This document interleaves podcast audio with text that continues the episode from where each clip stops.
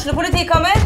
Ine Jansen er purk. Er du purk? The motherfucking bitch. Alt jeg vil, er å finne ut hva som skjedde med mannen min. Jon Carew. Er jeg sikta for noe? Iben Akeli. Det er du. Ole So, Lars Berrum og Big Daddy Karsten. Hvem sin side er du på, egentlig? Anette Hoff, Tone Danielsen, Kommer du fra Afrika?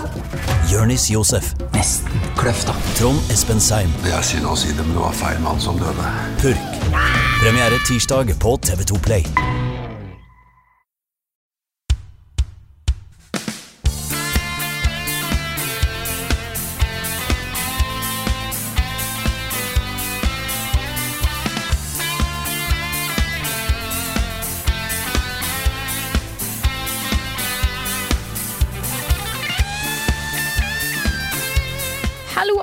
Og godt nyttår. Nå er vi på plass litt sånn Hvordan blir det her? Eh, I framtida. Eh, Med en podkast der vi skal snakke om hva vi gleder oss til i 2020. Hallo, folkens. Hallo. Hei, Frida. Hei, alle sammen. Denne blir jo spilt inn eh, litt og stund før jul. Eh, Ja. så Bare som en disclaimer. At hvis det har blitt vist fram eh, lanseringsdato på Godhand 2 eller et eller annet de neste ukene fy Åh, du må ikke si sånn, vet du. Da mister vi Nick med en gang. Vi kommer ikke til å klare å tenke på noe annet. Hva er det du har gjort? Jeg beklager. Ja. Men eh, Ja. ja. Ja, det er jo vanlig å se litt framover. Vi er et nytt år, nytt tiår. Vi snakka litt om tiårets uh, viktigste spill forrige episode. Nei, to episoder siden blir det. Blir det, ja. Um, Ja. Nå starter helt nytt tiår. Det føles Det er alltid et eller annet med den der følelsen. Nytt tiår, liksom. Hva kommer til å skje? Hva kommer til å komme av konsoller og spillmaskiner og spill? Og Ja, kommer det en ny Game of. Thrones og sånt? ja. Ja. Når får vi, Hvor fort får vi rebooten av Game of Thrones? Mm. Ja. Så ja, men det er et par ting da som eh, på en måte kan ha ganske stor påvirkning på sanne lister som dette her. Og det er jo et par uskrevne blad som vi ikke vet så mye om ennå. Eh, For det skal jo da uh, muligens lanseres to helt nye spillkonsoller i 2020. Vi vet uh, Xbox eh, Series X. Xbox Series X. Den skal komme. Altså Holiday 2020, som betyr eh, oktober, november, desember uh, i år, da. Um, mens PlayStation 5 har ikke kommet med noe dato, men det er rykter om at den kommer til høsten, den også. Jeg ville vært overraska hvis ikke den kommer rundt samtidig. Ja, så det blir liksom enten da, eller så blir det rett over nyttår, tenker jeg da. Ja. Men um, jeg, jeg tror den kommer i høst, altså. Mm. Så der vil det jo Vi vet jo ikke alt som kommer av spill til de. Uh, ofte så trekker man jo fram litt store kanoner uh, til launch. Det kommer helt sikkert eh, Sony til å gjøre også. Eh, men der er det jo foreløpig bare ett spill som er annonsa til PlayStation 5. Eh, og det skjedde jo på Game Awards. Mens noe flere detaljer har kommet fram om, om Microsoft sin. da Der er det jo ting på vei, men vi vet jo ikke om det kommer til launch eller ikke mye av det. Så det er en del sånn usikkerhetsmomenter rundt listene våre. Men dette er jo da fire personlige topp ti-lister. Det vil være en del repeats, tror jeg, på noen av listene. Men um, vi gjør det sammen. Vi lager ikke noen samleliste. Vi har fire individuelle topp ti-lister. Yes. Um, vi må også nevne at det er noen spill som For dette kommer folk til å spørre om. Hvorfor er ikke det med? Hvorfor er ikke det med? Her er, kommer da en samling med spill som helt sikkert ville ha fått en eh, plass høyt opp på våre topp 10-lister hvis ikke det var for at vi aldri i verden tror de kommer i 2020. Ja. uh, så til å nevne de kjapt. Det er da Zelda Breath of the Wild 2. Åh, Metroid Prime 4 De bytta jo studio. Jeg tipper det betyr også i hvert fall ett år til før det kommer. Eh, og så er det jo Blizzard, da som aldri oppgir lanseringsdato på noen av spillene sine. Eh, Diablo 4, Overwatch 2. Jeg tror vi kommer til å se eh, betaer og sånt av disse spillene i år. ja. Men at utgivelse, full utgivelse ikke er så veldig sannsynlig i 2020. Nei. Er dere enige i analysen? Jeg er enig. Ja. Og så skal jo Rare komme med et nytt spill som heter Everwild, som så kjempebra ut. Men eh, vi vet jo ikke om det blir et launchspill ennå.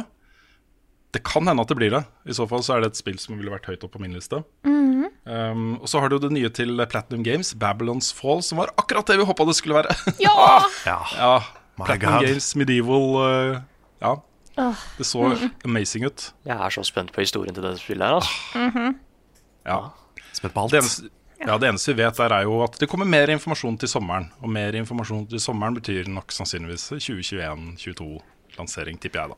Åh, kanskje nyheten er at det er lansert. Ja, det jeg tenkte på det. Ja. Men jeg har, jeg har en følelse av at liksom, de største spillene i 2020, det er spill vi ikke vet om ennå. Fordi det er veldig, veldig typisk uh, for spesielt en ny, uh, altså et år med nye konsoller. Så da, da, da kommer liksom Da har de spart på alle de store kanonene, ikke sant? Nå skal de selge de forbanna konsollene, og da kommer uh, reveal etter reveal som Ja. kommer sammen med konsollen. Så det, vi vet jo ikke noe om de ennå. Og så Og er i det tillegg, da disse nye indie-spillene som plutselig dukker opp, Ja. som viser seg å ta oss Ja, med storm. ikke minst. Altså, jeg tror ingen av oss som hadde verken uh, Disco Lysium eller Outer Wilds eller uh, noen av disse svære tingene, Control til og med, Mm. uh, på våre sånn, lister over hva vi gleder oss til i 2020, så kommer de inn og bare peiser på med fantastiske opplevelser. Ja, Vi sitter nå her i januar og er ignorant as fuck. Ja. Yes! ja, Vi har ett uh, spill til på den lista. Kan muligens komme ut i 2020, men veldig lite sannsynlig, heter lista. Uh, og det er Darkest Dungeon 2. Jeg håper det fortsatt lever, altså. Jeg har ikke hørt noe annet, Nick. Jeg tror du kan uh, sove trygt, altså. Kan jeg putte Ja. på ei spill til på en liste? Ja, Ja. Kanskje det er samme som jeg tenkte på? Da tror jeg ikke. Nei, ok. Pikmin 4. ja. Ja, ja det har vi snakka om lenge. Ja, det har vært snakk om i mange år. Så jeg Mm. vil putte den der. Ja, Ja. Da vil jeg legge til et spill til. ja. Fordi vi går fortsatt og venter på nyheter om hele Deltarune. Ja. Ja. Og, og det tror jeg ikke kommer i 2020, i og med at ikke vi har hørt noe særlig siden eh, den første episoden kom. Men uh, det er jo lov å drømme. Jepp. Mm. Ja. Ja, eh, og så en eh, liten eh, Bare en melding til alle som hører på. Vi har helt sikkert gått glipp av noe. Ja. Altså på, Ja, ja. Selv av ting som vi vet kommer. Bare 'Å, ja, shit, det kommer ut i 2020'. Så vi har sikkert glemt noe. Ikke ta de listene her for sånn fasit på det, det, Ikke sant. Men det er så nærme som mulig, da. Mm. Vi har prøvd å gå gjennom skikkelig grundig alle utgivelsesplaner og sånne ting. Jepp. Har du lyst til å sette i gang hele kalaset, Rune? Jeg vet ikke om jeg har lyst, men vi ble jo enige om å bare sette opp eh, rekkefølgen etter den rekkefølgen det sto i det felles dokumentet vårt. Ja. Så jeg kan jo gjøre det. Ja. Jeg pleier å være, jeg pleier å være sist eller langt ut på de, så det er hyggelig å være først for en gangs skyld. Mm -hmm. kunne få snakke om alle disse spillene først. For det vil jo være noen repeats. Jeg må begynne med noen honorable mentions. Det tipper jeg det er flere som skal gjøre. Ja da. Eh, der står Spelunky 2. Fryktelig glad i Spelunky 1. Ikke fullt så fan av den visuelle, nye visuelle stilen de har på Spelunky 2, men gameplay der er så uh, sterkt, da. Så det kan hende det blir bra likevel. Kommer på PC og PlayStation 4. Jeg har satt opp delsett i Destiny. det vil jo komme masse av det i 2020. Jeg kommer til å glede meg. Kommer til å kose meg. Og så har jeg satt opp et uh, utrolig spennende lite indiespill som heter 12 Minutes. Ja. Det er et uh, spill som uh, vi muligens skal snakke om seinere. Så kanskje la det ligge litt med det. Uh, og så har jeg satt opp Assassin's Creed Ragnarok, og det har vært litt sånn kjipt for meg å følge Assassin's Creed de siste årene, fordi jeg har hatt så lyst til å hoppe tilbake igjen etter hvert som anmeldelsen har kommet, av Origins og um, Odyssey, var det den andre het? Ja. Ja. Bare sånn, ja, dette, ja, ikke sant, endelig tilbake. Jeg har lyst til å spille dette her. Og så er det noen andre som har anmeldt det, så har vi aldri fått tid til å spille det. Men her skal jeg være på, sånn, det foregår i hjemlige trakter og sånne ting. Jeg har satt opp Resident Evil 3. Uh, Minecraft Dungeons, som jeg gleder meg til å spille sammen med enkelte medlemmer i hus, huset jeg bor i. Og så har jeg faktisk satt opp Microsoft Flight Simulator, rett og slett fordi det ser så nydelig ut. Jeg kommer, jeg kommer sannsynligvis ikke til å spille det mye, men jeg har lyst til å teste det. Jeg har lyst til å sitte i det flyet og bare fly over jordkloden vår og se på hvor vakkert det er og sånt. Så, så det står der. Men da begynner vi på tiendeplass, og det er Halo Infinite. Mer eller mindre confirmed som et launch-spill til Xbox Series X, men vil også komme på PC og Xbox One. Ja. Um, det er da um, Jeg har tenkt en del på Halo-serien, fordi det er jo en av mine favorittserier. Halo 1, 2 og til viss grad 3, og også uh, Reach uh, ODST. Veldig bra spill. da Uh, Men Bungie forlot jo serien, og så er det 343 Industries som har tatt over. Og Det som slo meg ganske nylig, var at da det skjedde, så gikk Halo fra å være et sånt hjertebarn til å bli en franchise. Som skulle bare fortsette fordi den var veldig populær. Eh, selv om Bungie ikke ville lage disse spillene lenger. Så ok, vi må fortsatt gi ut Halo-spill, så da gjør vi det. Og Halo eh, 4 var bra, syns jeg. Jeg likte det godt. Halo, nei, eh, Halo 5 ikke så bra. så derfor så kommer det ikke høyere. Men jeg er veldig spent på hva de gjør, så jeg syns det liksom fortjener en plass på lista mi. da, På tiendeplass. Hvor mye vet vi om hva Halo Infinite er? Ikke så mye, men um, de hinter om at det vil bli litt sånn Games as a Service-opplegg. Så jeg tror da, jeg tror det vil ligge ganske tett opp til øh, Destiny og Warframe og den type spill. Um, og hvis det er tilfellet, så må det være sjukt bra, altså. Fordi det folk vil ha i Halo, er jo den derre ensomme utforskingen av øh, fremmede verdener og sånne ting. Og de fjerna seg helt fra det i Halo 5. Um, hvis de skal fjerne seg enda lengre, så er det på en måte ikke så mye igjen av den derre utforskertrangen og utforskergleden som prega de første spillene i serien. Da. så, men det kan jo bli kjempebra. Jeg vet ikke. Overraskende langt ned på min liste, på niendeplass, Half-Life Alex. Som ble ganske nylig annonsert. Eh, Det skal komme i mars, og det er jo da et VR-spill fra Valve. Det er det både det første spillet Valve har eh, nye spillet de har lagd på lenge, hvis du ser bort fra en del andre eh, ting. Eh, Men det er i hvert fall det første Half-Life-spillet de har lagd på lenge. Og jeg vet ikke, altså.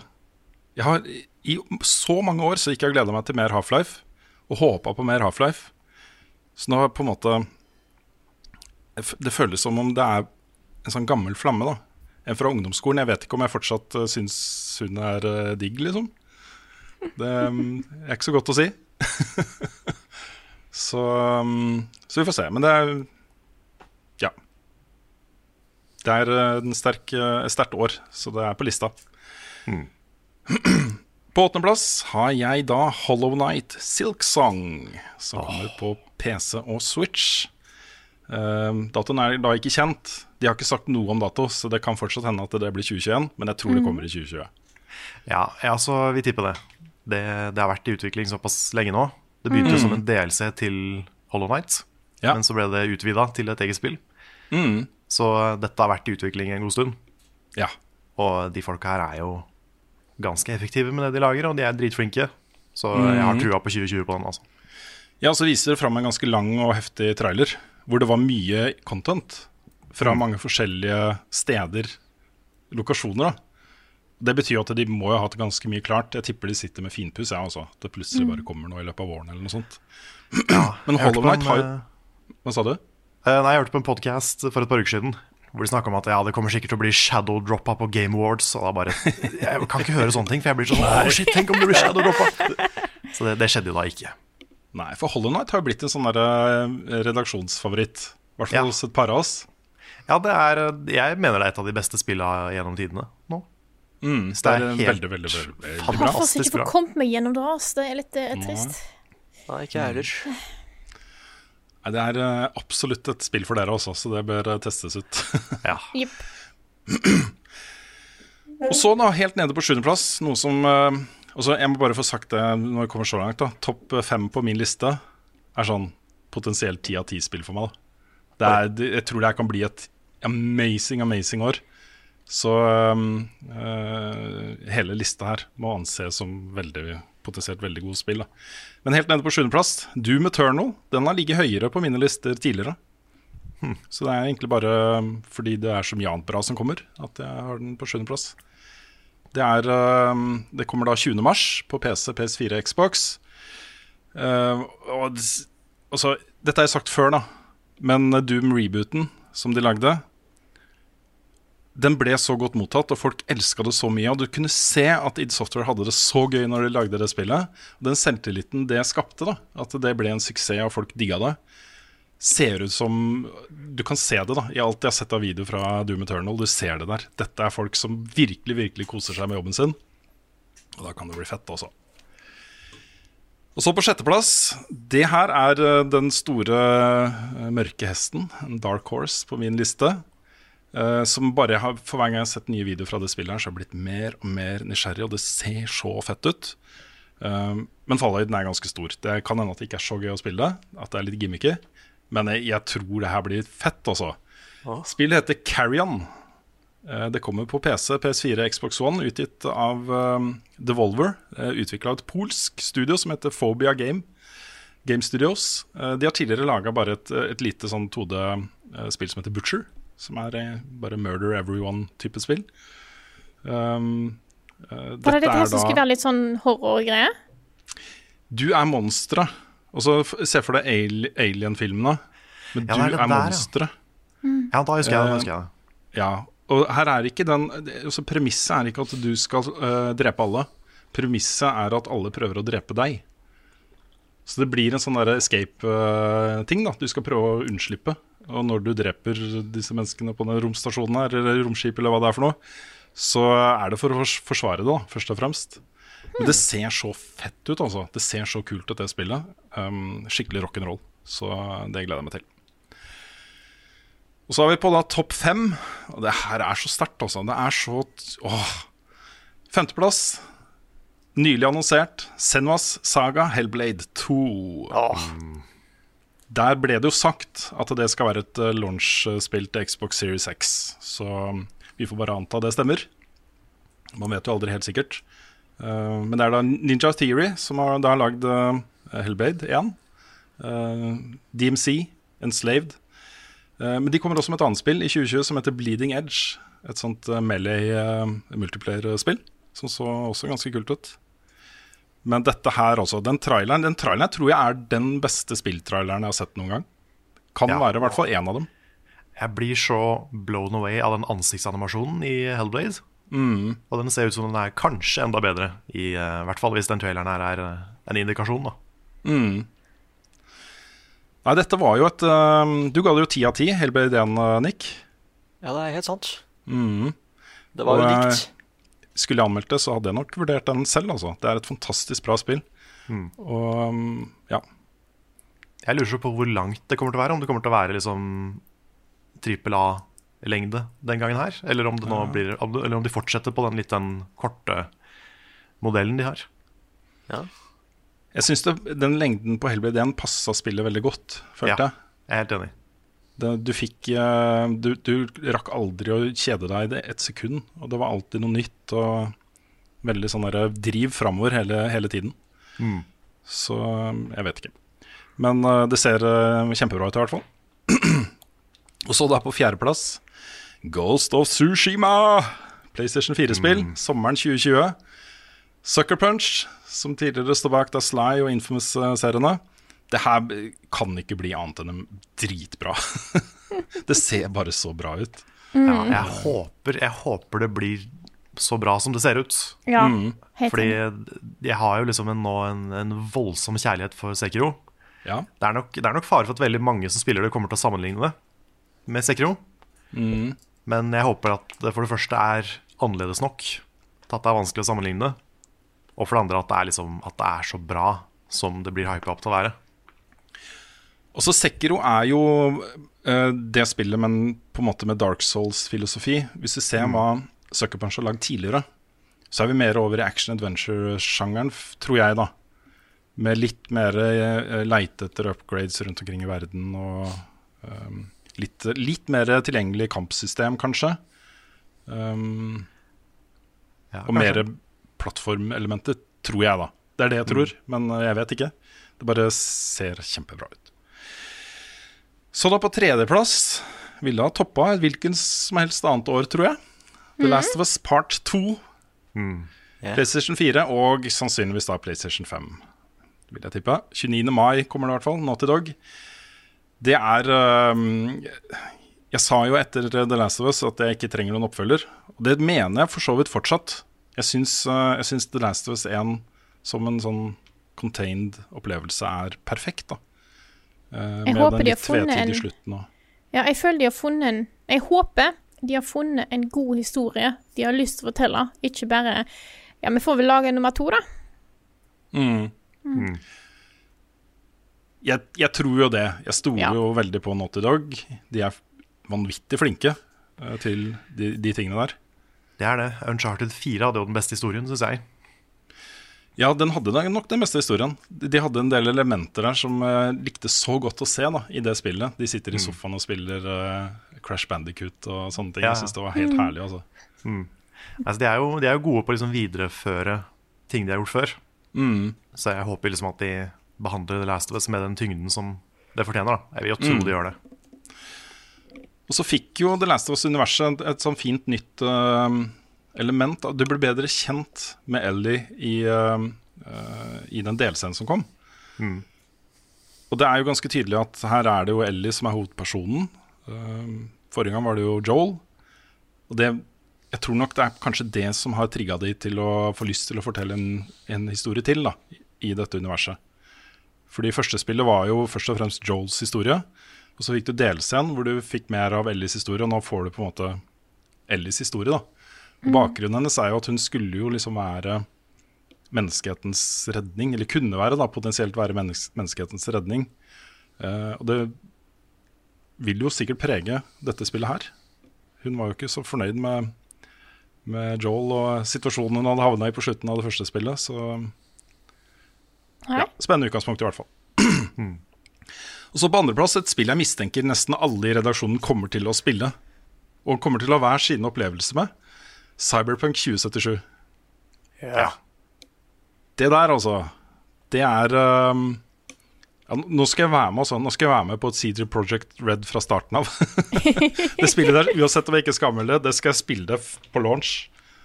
Banna bein, altså. Det er um, Det kommer da 16. april.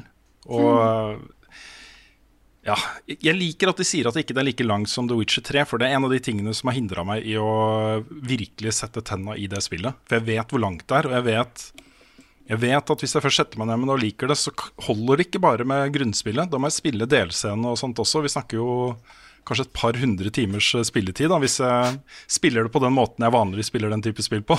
Gjøre alt, ikke sant? Åh. Så med dette skal det være kortere, men det skal være mye høyere gjenspillingsverdi. da. At du skal da kunne velge andre builds og andre eh, framgangsmåter og, og sånne ting, og få en ganske annerledes opplevelse.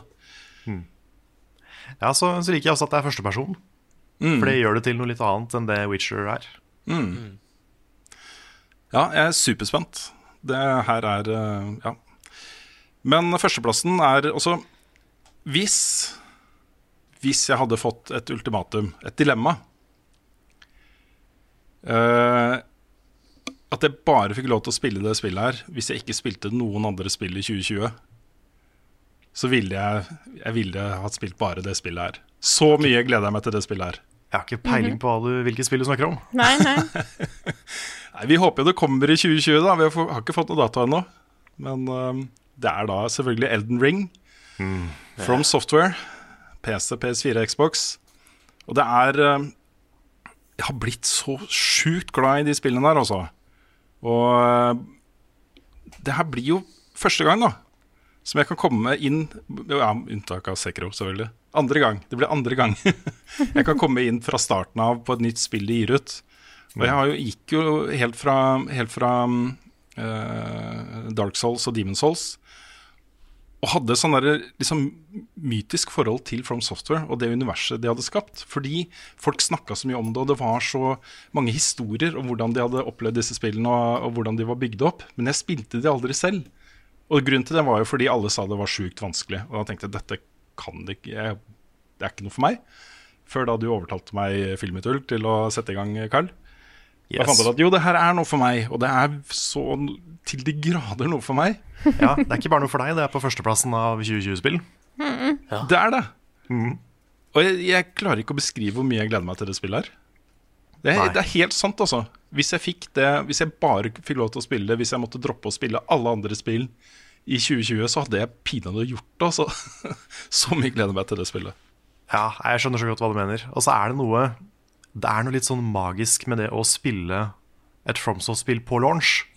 Fordi det er så stappfullt av hemmeligheter, og ingen har oppdaga det ennå. Så du kan liksom når du, når du spiller gjennom første gang, og liksom du, har, du har din egen playthrough som er din, og dine bosser som du syns er vanskelig, andre bosser som andre syns er vanskelig, og så oppdager du kanskje noe kult. Og det står ingen steder på internett, fordi folk har ikke merka det ennå. Folk har ikke funnet det. Og da er det så ekstra fett. Fordi det er sånn Det er det. Shit, dette her, kanskje, kanskje jeg var en av de første som fant det her. Mm. Og så etter hvert så blir det jo liksom Det, det blir jo lagd en database om alle hemmelighetene i spillet, men det tar litt tid. Mm. Fordi veldig mye er ganske godt gjemt. Så eh, det er så gøy å være en del av den der utforskingsprosessen med hele internett, liksom. Ja. Mm. Ja, det, det da funker det jo ekstra bra med de der Nå vet jeg ikke om Elden Ring kommer til å ha sånne meldinger på bakken, da. Sikkert hadde jo ikke det, men, eh, men kanskje. Ja, jeg, jeg bare vet ikke. Jeg bare, de har sagt, det de har sagt, er at det skal være mer åpent enn ting de har lagd før. Så nå, da ser jeg for meg en litt sånn Witcher 3-verden, egentlig. Ja. Jeg vil tippe de online-funksjonalitetene kommer tilbake. Litt fordi eh, Sekiro var så, det var så viktig for Sekiro at det gikk fort. At du hadde den der frame perfect eh, og sånne ting. Men den tror jeg ikke du har så mye her. I hvert fall min, min tolkning er at dette er mer RPG enn action. Litt mer tilbake på Dark Souls-nivå, liksom. Ja, Så- men jeg, tr jeg tror nok det, Jeg forventer at de henter tilbake igjen uh, den muligheten til å ha forskjellige builds. da At du kan kjøre kjappe våpen eller tunge våpen. Ja, det tror jeg de har sagt. Og hvis det er tilfellet, så har du nok sikkert lært litt om timing og, og sånt i Sekiro, vil jeg tro. Hvis du velger, da bruker de litt kjappere våpnene, at du kanskje må være enda mer presis på eh, kontring og sånne ting.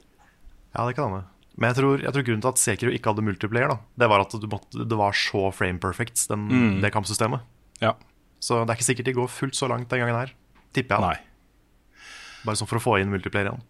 Nei, men oh my god, altså. Hva skal vi gjøre på launch av det spillet her, da? Vi må jo gjøre noe ut av det. Jeg spiller det. Bare spille det. Ah, jeg har litt lyst til å leie en kinosal eller noe sånt. Jeg bare inviterer med folk og bli med på reisen og så sitte og spille det fra start til slutt uten å sove. Ja. Et eller annet. Det er sånn det høres fett ut. Samtidig som jeg bare, jeg vil bare starte på det og spille det sjøl. Ja, det ja, er sant det. da. Sette på seg headset og lukke seg inn og bare Mm. synke ned i det. Ta en all-nighter. Men det er, for å oppsummere, da. Jeg syns det her er en utrolig sterk liste. Også hvis alle disse spillene kommer i 2020 og blir bra, så blir det et utrolig bra spillår. Kan jeg bare si hvor utrolig rune dette spillåret her kan bli? Ja, det er sant. For det er liksom det er er Half-Life, og det er Halo, og det, og det er Minecraft og Spelunky og Hollow Night og Doom, eh, og liksom Alt fra liksom Elden Ring og alt, så det er helt eh, Mangler bare Destiny 3 og 4. Ja, det. Ja, det kan fort komme Destiny 3 i 2020. Det kan det. Det, det kommer i hvert fall en sånn type expansion. Om, eh, Ja. om ikke det blir Destiny 3, så blir det like stort som Forsaken. Tipper jeg, da. Det er det jeg tror. Jeg tror de sitter og jobber med det.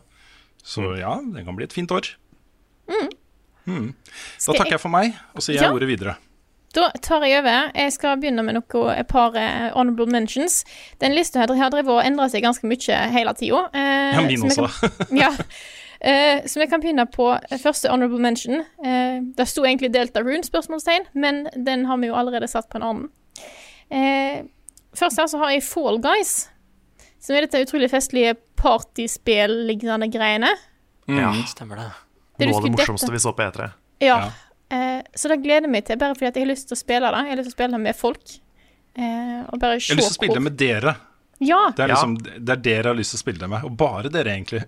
ja. Ja, for, de, for de som ikke har hørt om eller husker Fall Guys, da, det er jo en, det er en plattform battle royal. ja. ja. Se, se for deg liksom Wipeout, TV-programmet, med 100 spillere som slåss mot hverandre. Da må Det, jo det ser så gøy ut. Ja. Oh, nei, så da gleder jeg meg til. Jeg gleder meg til å se hva det er for noe. Jeg gleder meg til å spille det. Eh, neste her er 12 Minutes. Den var på lista en god stund. Det havna rett ned forbi. Da er jo Da viste de jo på E3. Det var en litt sånn du skulle gi ting i 12 minutter-ting. Eh, jeg husker ikke så mye av det, men jeg husker at jeg syntes det var- virka veldig spennende. De viste ikke spesielt mye av det heller. Du havner i en situasjon du har sånn top down. Det er som du overvåker eh, Eller står over et sånt dokkehus og ser på en, en hendelse da, i en familie. Hvor eh, det skjer ting hele tiden, og du får se hva som skjer. Så når du da har gått tolv minutter og går tilbake, så kan du reagere på det. Du, du vet hva som skjer, så du kan reagere på det. Og så skjer det da noe annet isteden, og så vil det bygge på, bygge på og sånn på den måten. da. Så jeg tror, Jeg spill, jeg tror spillet til slutt er bare tolv minutter. Jeg håper det, i hvert fall. Men at du Ja, sånn- eh, ved å liksom prøve og feile og finne ut og planlegge og sånt, så får du mye, mye mer etter hvert, da. Ja. Jeg, har hørt, jeg har hørt at eh, en, en, liksom, hvis du gjør alt riktig, så er det tolv minutter. Men de sier at det vil ta mellom sju og åtte timer Mm. Å, for å komme deg til det. Ja. Wow. Ha. Det er sånn Det kan nesten høres ut som en sånn derre Plumbers Don't Wear Ties. Så det er et gammelt Sega CD-spill hvor du skal liksom sjekke overvåkningskamera. Det er ikke det, da. Det, det høres litt ut som vi beskriver det, men det er noe, det er noe veldig annet. Ja, noe veldig annet. Så har jeg et par spill på Honorable Mentions som er litt vondt å ha der. Men jeg har jo et handikap. Jeg klarer ikke å spille alle spill med førstepersons view. Og du, Karl, sier at du er veldig glad for at Cyberpunk 2077 har førsteperson. Det er ikke jeg. Jeg vet ikke om jeg kan spille jeg det. Jeg, det er en ting jeg seriøst ikke vet om går. Så der står Cyberpunk 2077 på Honorable Mentions fordi at jeg vet ikke om jeg får spilt det. En ting er liksom tidsmessig, eh, men en annen er faktisk at jeg vet ikke om jeg klarer å komme meg gjennom det. Fysisk. Så Ja Åh. Det suger. Men er, sånn er det bare. Eh, Får nå se. Det er jo noen spill det går bra på. Jeg har jo kommet meg gjennom Bioshock Infinite, blant annet. Så vi får se. Men jeg står der litt nå, for jeg vet ikke helt. Og den andre er Senua Saga Hellblade 2. Jeg har jo fortsatt ikke fått spilt det første Hellblade. Av den samme grunnen. Eh, Mm. Så det er litt surt, altså. Det er noe dritt. Ja, det er veldig trist. Jeg er veldig trist på dine vegne der, Frida. Frida. Jeg eh, har eh, Jeg tror jeg har prøvd det meste som står på nettet som, som kan funke, med å liksom eh, Når det kom til motion sickness Jeg satt en gang og prøvde å spille ting med, med Jeg tror det var Minecraft. Med liksom noe dekka foran det ene øyet for å hindre liksom dybdesyn. Og, så jeg har gjort mye rart. Eh, Så eh, vi får se. Hvis det viser seg å være liksom kanskje det beste spillet liksom de siste 30 åra, eller et eller annet, så får jeg se hva jeg skal prøve å komme meg gjennom. Så det må Hvordan være skal så du klare bra, med det, altså. Ja. Det Men hva gjør du med bra. Portal og sånn? Eh, jeg spilte i kvartersegmenter i over flere dager. Ah. Åh. Yes.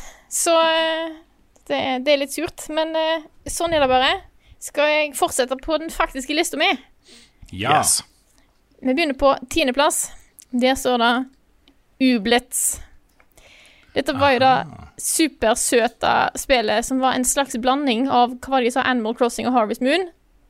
Begge to spill jeg er veldig glad i. Der du skulle Det ser ut som du skal gro noen små greier, og så kan du lage deg et hus, og så kan du gå rundt og besøke andre som òg har lagd små greier. Jeg har egentlig ikke helt skjønt hva det er for noe, men det ser utrolig søtt ut. Og hvis det er det de lover det skal være, ish Harvest Moon og Animal Crossing, så er det jo så eh, right down my alley eh, som du får, da, tror jeg. Eh, så det er en litt sånn eh, min, en av mine litt sånn quirky eh, indie-koselig spill som er, er på lista mi. Eh, nummer ni.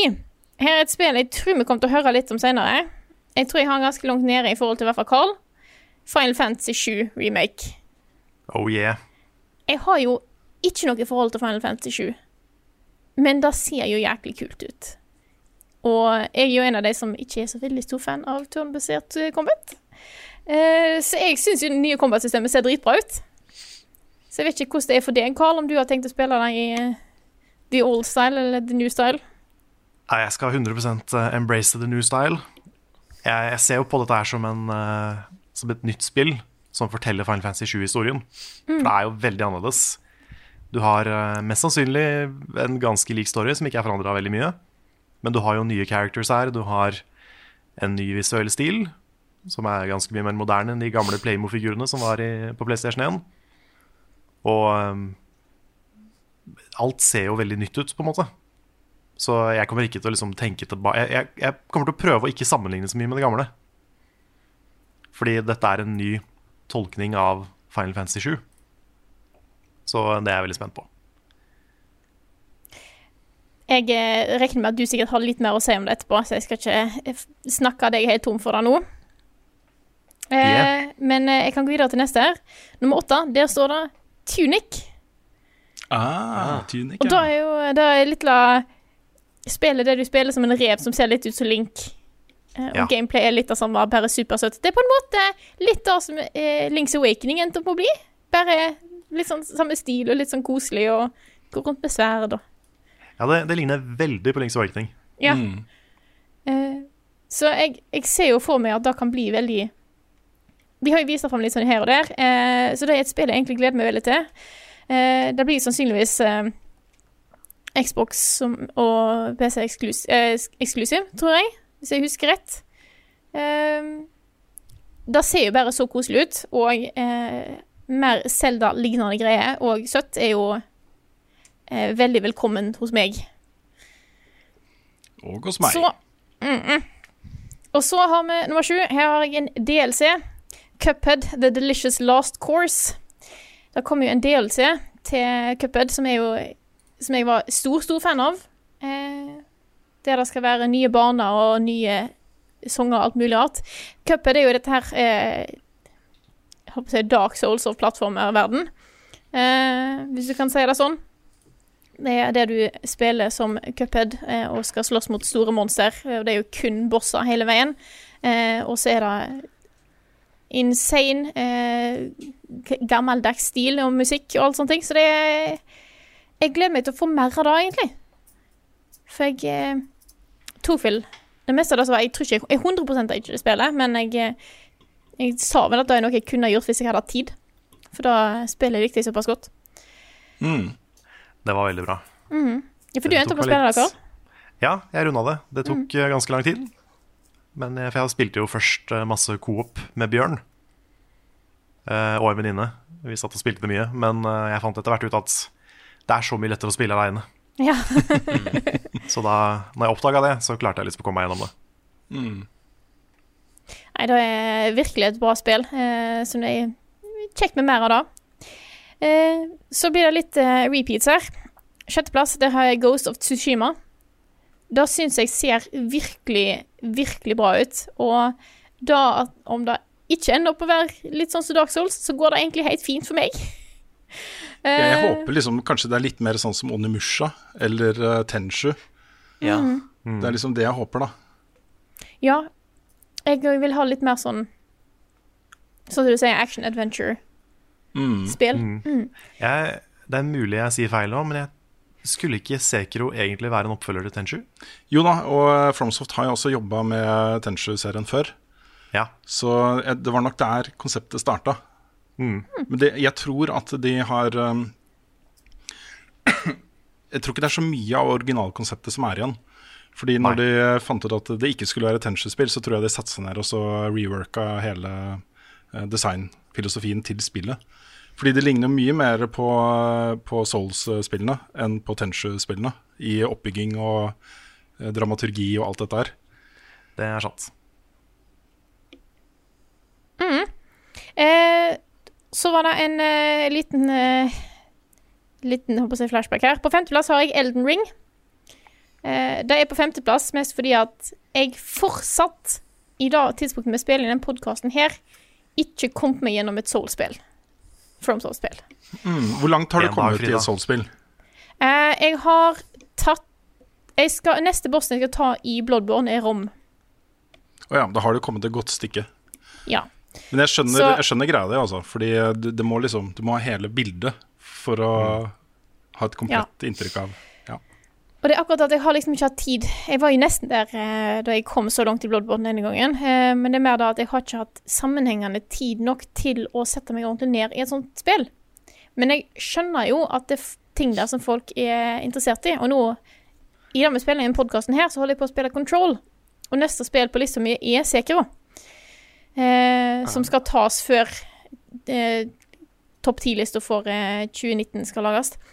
Så jeg har jo planer om å komme gjennom det.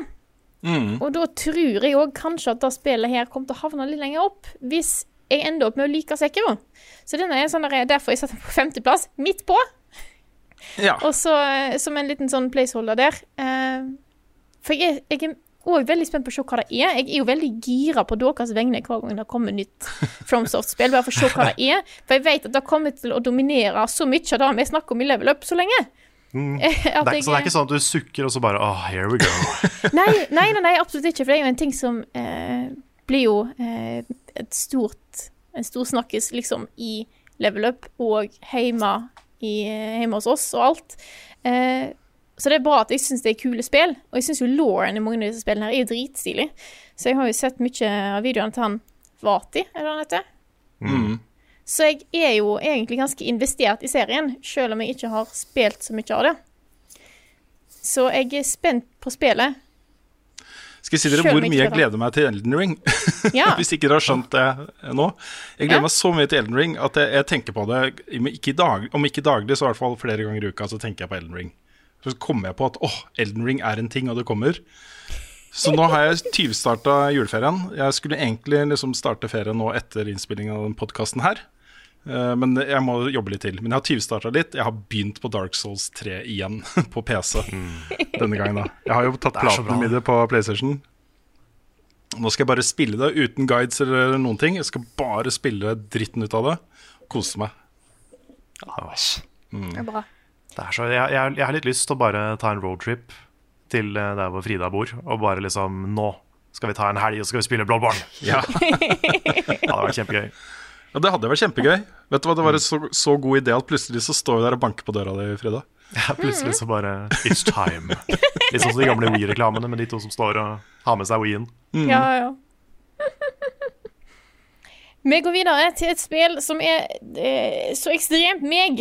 Eh, og jeg innser at veldig mange ting jeg har på lista, er liksom bare koselig. Og da er det spillet her òg, nummer fire. Animal Crossing New Horizons. Oh. Dette er jo det første Animal Crossing-spillet siden Nei, ja, første spillet siden originalen, der spillet er på en hjemmekonsoll, ikke på håndholdt. Selv om Switch òg er litt håndholdt, da, men eh, Og dette er jo en serie som jeg har brukt så utrolig mange timer i. Fordi at det er jo bare sånn koselige små ting. Det er ingenting sånn eh, som krever at du må liksom slite deg gjennom ting. Det er bare sånn, det er bare kos. Du er en ny person som kommer til en by, og så får du deg et hus som du må betale lån på. og For å betale lånet så må du gå rundt og fange fisk og gi æren og bli kjent med deg i byen. og Putte møbler inn i huset ditt og dekorere den sånn at det blir fint. Og så får du brev som sier om du har dekorert huset ditt fint eller ei, og så finner du fossil i hagen som kan grave opp og få sendt et museum, så de kan finne ut hva det er for noe, og så får du penger for det. Sånne ting. Det er altså bare, bare, bare kos. Eh, og jeg har eh, falt litt av de siste årene. Eh, spilte de to første spillene helt enormt mye, men nå er jeg klar. Jeg er klar for et nytt eh, inntog. Jeg er klar for å sitte i sofaen min og bare fere rundt på denne øya her som du skal være på, og bare fiske alle fiskene. Det er det er det jeg har tenkt å gjøre. Nice. Hold the fish. Jeg er, veldig, jeg er veldig happy for you at du får den muligheten til å fiske alle fiskene og bare virkelig kose deg i spillet. Det, Jeg jeg har aldri, aldri satt meg inn i Animal Crossing, men det ser så avslappende og koselig ut. At jeg skulle sånn- ønske jeg liksom hadde den derre At jeg bare kunne skru på Animal Crossing og så bare synke ned i en sofa og slappe av, for det ser så digg ut. Det er litt sånn Det blir litt sånn som Sa du Valley, på en måte. Da at det er ikke nødvendigvis noe eh, skikkelig djup story eller helt amazing karakterer. Det er bare, det er bare kos. Og det er, det akkurat det jeg vil ha, egentlig. Så eh, da det, det skulle jeg egentlig komme i høst. Eh, men da at de utsatte til eh, i vår, går fint. Så lenge det blir bra. Det tror jeg det blir, for dette er jo Nintendo. Så tredjeplass, The Last of Us Part 2. Jeg kom jo litt seint inn i The Last of Us-toget, jeg. Da spilte jo jeg for tre år siden, tror jeg. Noe Ja, du spilte det på TG, gjorde du ikke det? Ja, jeg spilte det på TG. Eh, som òg var en plass å spille på, med høy lyd på alle kanter og sånt. Eh, så jeg Jeg likte jo det spillet veldig godt. Jeg er sånn som dere som har snakket om, at jeg er spent på å se hva, hva historie de har lyst til å fortelle her. Men jeg kan jo ikke gjøre noe annet enn å ha den høyt opp på den lista her, fordi at eh, The Last of Us er jo et fantastisk spill. Eh, så jeg er spent på å se hva Naughty Dog får til. Og så er det litt kult, fordi, fordi utgangspunktet til Naughty Dog, da, når, da de skulle lage en sånn postapokalyptisk fortelling, det var ikke bare å bruke det som en backdrop til å ha, som en fet backdrop. Men de satte seg ned og så gjorde de masse research. Hva skjer da hvis hvis det faktisk kommer en sånn type End of the World-event som gjør hele verden uh, til et helt annet sted å være. Hva vil skje med mennesket, og hvordan påvirker det psykologien oss imellom? Men, mellommenneskelige forhold. Uh, de gjorde skikkelig research på det, leste masse bøker og sånne ting. Ikke minst på hvordan vegetasjonen, da, hvor kjapt den kan på en måte ta over byene igjen. Mm. Etter at man slutter å kjempe mot naturen hvor raskt begynner det å vokse trær gjennom asfalten og sånne ting. Ja, ja de, de, sa det, husker jeg, at bossen i det spillet er liksom Det er ganske nært opp etter virkeligheten på hvordan Boston hadde sett ut i en sånn situasjon. Mm. Mm. Og sånn sett også det som vi fortsatt kaller zombier. ikke sant? Alle er enige om at vi kaller det zombier. Ja, jeg, jeg, fikk litt, jeg, fikk litt, pes da jeg kalte dem zombier i anmeldelsen min. Ja. Men uh, den kritikken tar jeg ikke, ass. Ja, det er, det er zombier. Ja, men det er basert på muterte sånne sopplignende uh, parasitter. Ja, som, som fins i virkeligheten. Som fins i virkeligheten. De setter seg på hjernen til uh, de de infisterer, og så, og så, styrer de dem, på en måte. Mm. Som regel insekt. Mm. Så de fins jo. Mm. Det, tanken er jo da hva om de muterer seg så, så, langt at de kan påvirke mennesker.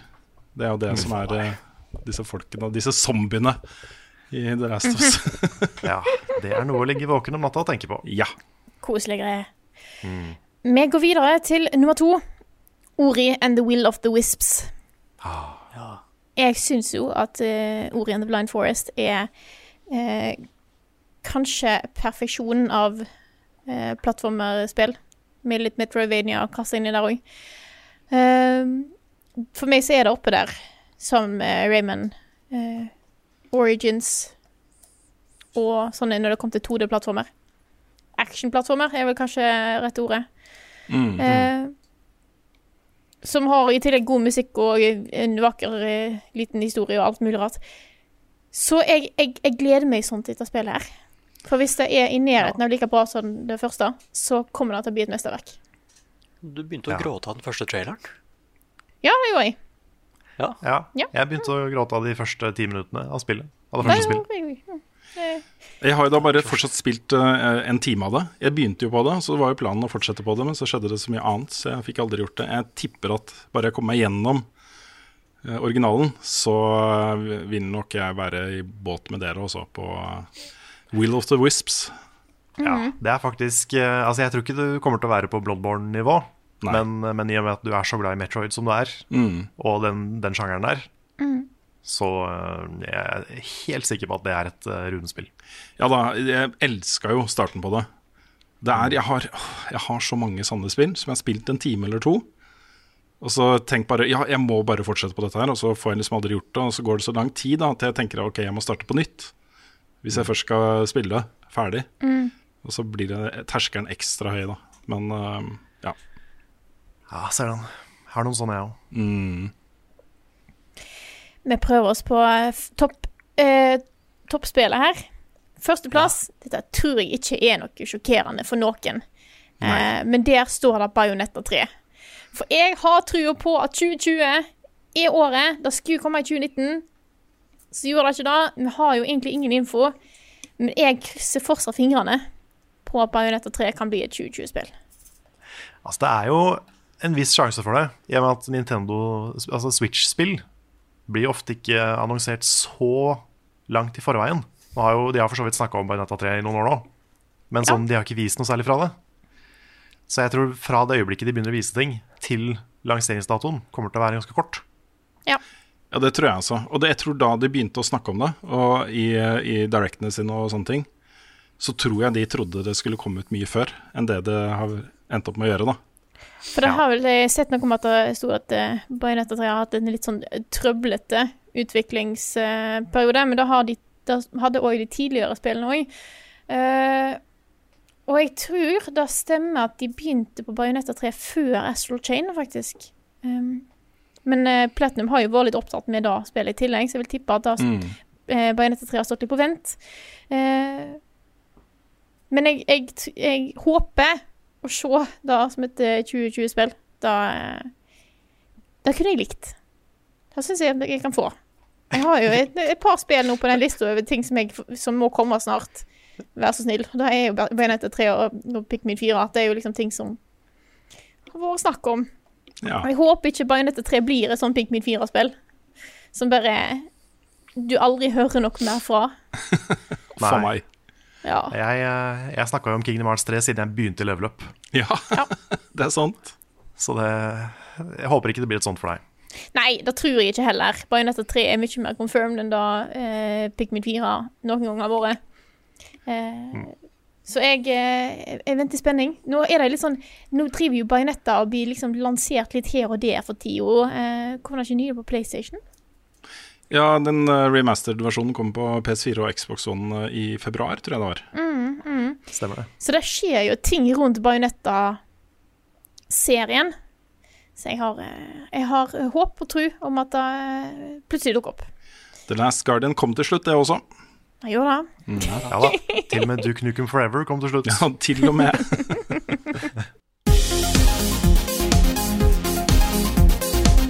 Nå står vi på en uh, kulturinstitusjon i Oslo. Eldorado kino, gamle Eldorado kino.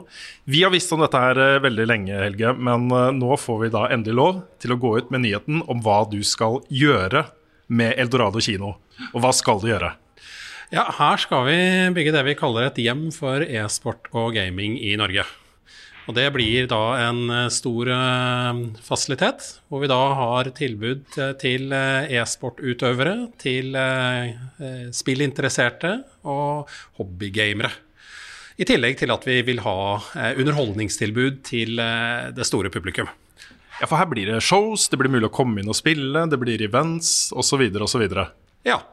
Alt fra liveshow med gaming og YouTube-personligheter til e-sportkamper og turneringer. Og så blir det nødvendigvis en del eh, andre eventer og arrangementer. Og så blir det et stort tilbud av eh, dataspill og maskiner, hvor du da kan komme og, og ha det gøy. Og gjøre morsomme ting sammen med venner og bekjente. Så er vi jo midt i byen nå, eh, og jeg nevnte jo at Eldorado er et veldig kjent kultursted i Oslo. Hvordan havna dere her? Ja, Det er egentlig en sum av mange ting. Litt tilfeldigheter, eh, god research og et godt kontaktnettverk. fordi da denne ideen oppsto om å etablere et eh, e-sport- og gamingsenter eh, i sentrale Oslo, så begynte vi å ut på en leting. Og den letingen brakte oss rundt omkring i nesten hele Oslo. Men det å finne et stort nok lokale med sentral beliggenhet, og som har et rom hvor du da har god takhøyde, ingen søylegang og eh, plass til eh, tribuner og seter og et scenearrangement, de lokalene er det ikke mange som det er ledig av. Og eh, det finnes noen teaterscener og nedlagte kinoer, hvorav én er den vi står i nå. Og her på Eldorado så, så har, det jo, jo, har det vært kino i godt over 100 år. Og så ble den stengt, og siste filmen gikk i 2012. Eh, og så har det vært bokhandel i noen år. Og nå skal vi da bringe det tilbake til underholdning og, og gamle action. Så ja, litt tilfeldigheter, og så var det eh, god research som gjorde at vi havnet oss her. Hva er det som gjorde at du fikk lyst til å satse på dette her? Ja, egentlig. Eh, som person og så, så har jeg jo min bakgrunn egentlig fra finansbransjen og rådgivningsbransjen. Så det startet, hele historien startet med min sønn. Som da var, for to og et halvt år siden, så var han tolv år gammel. Han fikk PlayStation i, i eh, gave. Og begynte nødvendigvis å Han hadde spilt en del tidligere. Eh, men jeg gjorde meg to oppdagelser. Og det ene var Ja, han spilte mye, men når han ikke spilte selv, så så han på andre som spilte på YouTube. Og det var jo Han hadde et helt annet mediekonsum enn det jeg og resten av familien hadde. Så det forundret meg litt. Men parallellen til å se på e-sport og gaming er jo egentlig det samme som å se på en fotballkamp. Har du fotballinteressen, så ser du på fotball. Spiller du data og har interesse for gaming, så ser du også på andre som gamer. Så det var den ene erkjennelsen. Og den andre erkjennelsen var jo det at de interessene du har og etablerer deg i barne- og ungdomsårene, det er de du tar med deg inn i voksenlivet. Så der startet det. Eh, jeg gjorde en del research som en finansanalytiker jeg er. Så begynte jeg å lete etter hvordan var markedet, og hvordan utviklet det seg. Og når du da som finansanalytiker finner at pilene peker stort sett bare oppover, da fatter man en interesse for også å etablere forretning. Og så har jeg jo en bakgrunn fra å ha etablert litt andre virksomheter. Eh, så da, da, var det kort vei egentlig til å etablere og finne et forretningskonsept. Og, og derav kom også denne ideen om dette e-sport- og gamingsenteret her på Eldorado. Ja, og Vi begynte jo å snakke med hverandre allerede tidlig i fjor høst. Hvor eh, vi satte oss ned. Det var kanskje enda tidligere enn det også? Ja, ja det, jeg tror vi første samtalen hadde vi faktisk i mars i fjor. Mars i fjor, der kan du se. Ja. Eh, jeg syns det har vært litt morsomt å følge med på den reisen du har tatt også, på, eh, på det å sette deg inn i hva disse tingene er. Og du prøvde deg liksom fram, spurte kan dere gjøre det, kan dere gjøre det, og så videre. Og så endte vi opp med en, en pakke som jeg nå føler er veldig nært eh, vår eh, hva skal man si, ryggrad, vår etikk, vår moral, alle de tingene på hva du har lyst til å gjøre her. Og vi ble veldig tidlig veldig gira på å få være med på det. Uh, så da må vi da informere alle som hører på og ser på, at vi kommer til å være tett knytta til dette her. Vi skal følge prosessen med å bygge om Eldorado til å bli et Eldorado for gaming. helt fram til åpning. Og etter åpning så skal vi da også være en av de som har shows her inne. Det kommer til å bli gøy. Hva tror du folk kan forvente seg av disse showene? Ja, eh, en ny type underholdning. Eh, og det er jo det som gjør oss litt annerledes og unike, for så vidt. Fordi det finnes mange, kall det teater- og, og underholdningsscener. Men eh, med da tilrettelagt fordi vi får en utstyring i arena scenerommet vårt med stor LED-skjerm og lyd- og lysanlegg som scenearrangementet trenger. Men hvor vi da eh, søker å presentere en ny type gamingunderholdning i sceneformat. Dere selv har jo hatt eh, live podkaster. Og eh, det i ytterligere eh, på steroider. Man kan bruke et sånt format hvor vi da tar i bruk ytterligere noen eh, visuelle dimensjoner. Så tror vi at dette egner seg veldig godt i et liveformat. Eh, og nå vokser det fram, og det kommer mange nye, kall det gamingpersonligheter og influensere som har, eh, gjør mye morsomt og underholdende på YouTube og Twitch. Veldig mye av det de gjør, det egner seg også i et liveformat. Fordi det er mye humor i det, det er mye glede og latter. Og det, eh, den gode stemningen der, den ønsker vi også å gjøre i fysisk liveformat. Og det, det har vi fått godt eh, tilbakemelding på. og er for så vidt et nytt underholdningselement og tilbud som ikke eksisterer i, i det strukturerte og regulære former. Jeg kan i hvert fall nevne da at vår drøm nummer én eh, å gjøre her inne, E3. E3 Live i juni med popkorn og amerikanske flagg og hele pakka, liksom. Får vi lov til det, eller? Ja, jeg håper at vi rekker å åpne til det. Jeg kan ikke love å garantere noe, men uh, fordi vi har fremdeles litt byggearbeider igjen å gjøre her. Men eh, selvsagt. Eh, messer, liveshows, viewing parties eh, og eh, mye nye typer underholdning og kall det konkurranse- og gamingformater. Spillanmeldelser live, eh, unboxing, eh, den type ting. Ja, selskap og E3 er jo Comic-Con, og her er det mange, mange ting å ta av. Ok, Du eh, vil ikke eh, binde deg til en åpning eh, akkurat nå, skjønner jeg. Men kan du si noe om når du håper på å åpne? Ja, eh, sommeren er jo definitivt et eh, aktivitetsperiode. men eh, vi snakker andre kvartal, og vi snakker inn mot sommeren. men noen dato er for tidlig, for det er mange, fremdeles for mange usikkerhetsmomenter eller variabler som puslespillsbrikker som skal falle på plass i det store og hele. Nå skal jo eh, Carl og jeg vi skal gå eh, tett etter føttene dine og følge deg gjennom prosessen og filme osv. Du skal få lov til å nå plugge hvor folk kan følge med på, på den prosessen, Helge. Ja, eh, da har vi etablert eh, noen nye, eller noen digitale kanaler. Eh, så både eldoradoesport.no og våre sosiale mediekanaler Eldorado e-sport eh, Instagram og på Twitter og Facebook. Så alle disse er det tilgjengelige. Og der er det hensiktsmessig å følge med fremover, fordi vi kommer til å ha noen kampanjer, noen giveaways og noen åpningstilbud som da man kan dra nytte av. Eh, så det er bare å følge oss på disse kanalene. Ja, Det blir veldig morsomt, og lykke til. Og så gleder jeg meg veldig til å se hvordan det går, går her, eh, Helge.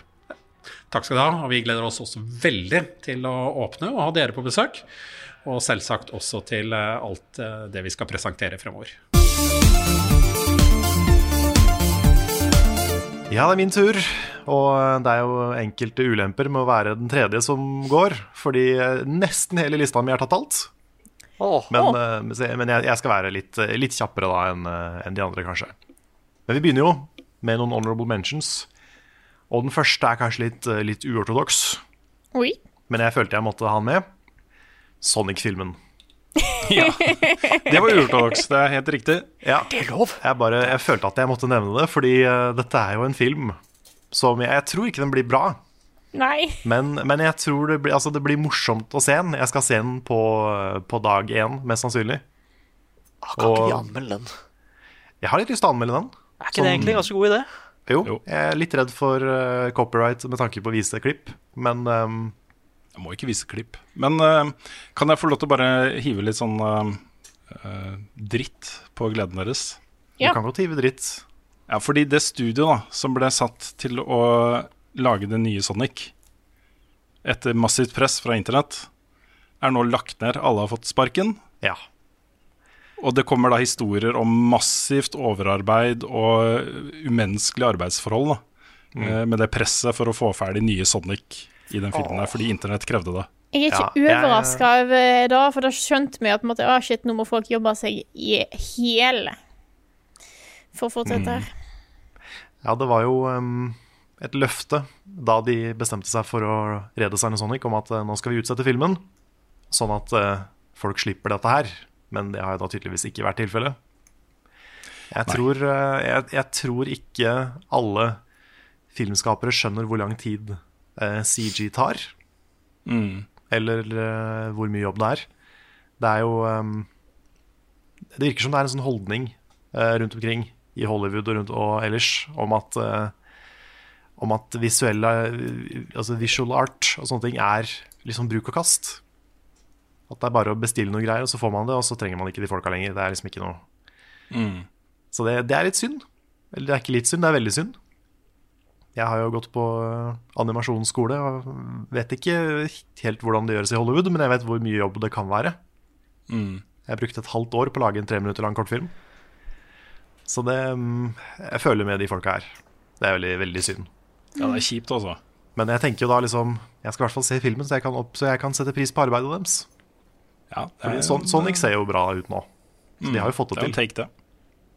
Men, eh, men ja. Det var jo de som også lagde Lion King, det nye. Ok. Eller jobba på Lion King. Og ikke minst Detective Pikachu. Så de har jo, de har jo gjort veldig mye bra på kort tid. Og så bare fucka de opp Sonic Ja, det var de første. Ja, OK, ok, da er jeg med. De som, jeg tror de bare jobba på nye Sonic. Å, oh, da er det jo good. Flinke folk. Mm. Klapp skuldra. Så nei, det, det er litt trist. Men, eh, men jeg er spent på filmen. Det var litt sånn bare for, eh, for min ti år gamle meg, så skal jeg gå og se den filmen. Mm. Og forhåpentligvis er det i hvert fall en OK film for, for kids. Ta gjerne med meg ungene Ja, og se den. Kanskje Kan vi ikke ta en sånn level up-ekskursjon og se den? Ja, de må se den på norsk, da. Bare så det er nevnt. Ja, ok, da vi kan. Jeg tror ikke jeg, tror ikke jeg klarer å se den på norsk. Men jeg har et par eh, honorable mentions til. Det første er eh, Fall Guys, som Frida snakka om. Trenger ikke å si så mye mer om det, siden vi allerede har pratet litt om det. Men eh, jeg gleder meg til å streame det spillet. Det blir et eh, herlig kaos, forhåpentligvis med masse level up-folk i, eh, i gamet. Ja. Og så eh, Persona 5, The Royal. The, The Royal. Har du tenkt å, å å si. spille på nytt igjen? Jeg vurderer det. Det, det? er jo, det, det, det sitter jo litt langt inne, siden det er et såpass langt spill. Men det var jo også et av de beste spillene i 2017. Ja. Ja, Ja. så det mm, Kanskje det blir et litt sånn sommerferiespill, f.eks. Det, det kunne vært, eh, vært bra. For du har jo er over 100 timer foran deg, da. Jeg har det.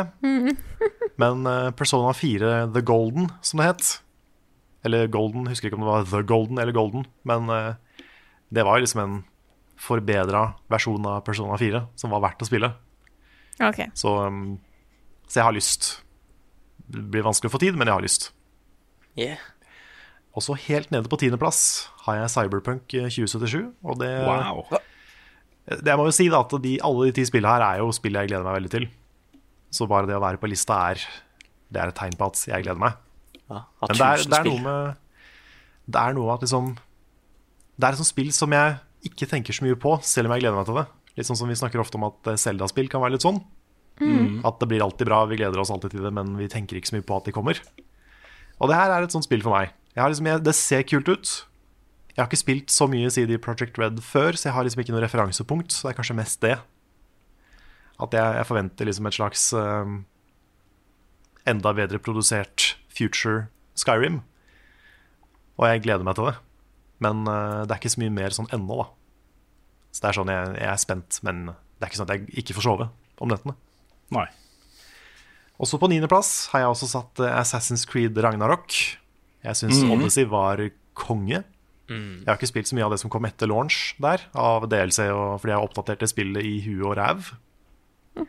Så det blir jo, eh, så vidt jeg har skjønt, bare bedre og bedre. Selv om de har hatt noen sånne missteps med DLC-stories og sånn, har jeg skjønt. Yeah, I, I liked it. Yeah. Jeg har ikke spilt en sånn svær Atlantis-DLC, blant annet. Mm. den har jeg ikke spilt, men den ser jo kjempekul ut. Men det spillet var så svært, og det var så mye. Jeg skjønner ikke at det kom ut bare et år etter Origins. Det er bare helt vilt mye i det spillet. Så jeg håper nesten at det er mindre ting i Ragnarok, fordi det er så overveldende mye. Ja. Så eh, kanskje liksom hakket mer fokusert, men med samme type gameplay, samme, samme grunnfilosofi da, i spillet. Fordi jeg syns den nye oppskriften på Assassin's Creed er veldig bra. I hvert fall eh, sånn som de gjorde det, gjorde det i Odyssey. Syns jeg er veldig, veldig bra. Så dritspent på det.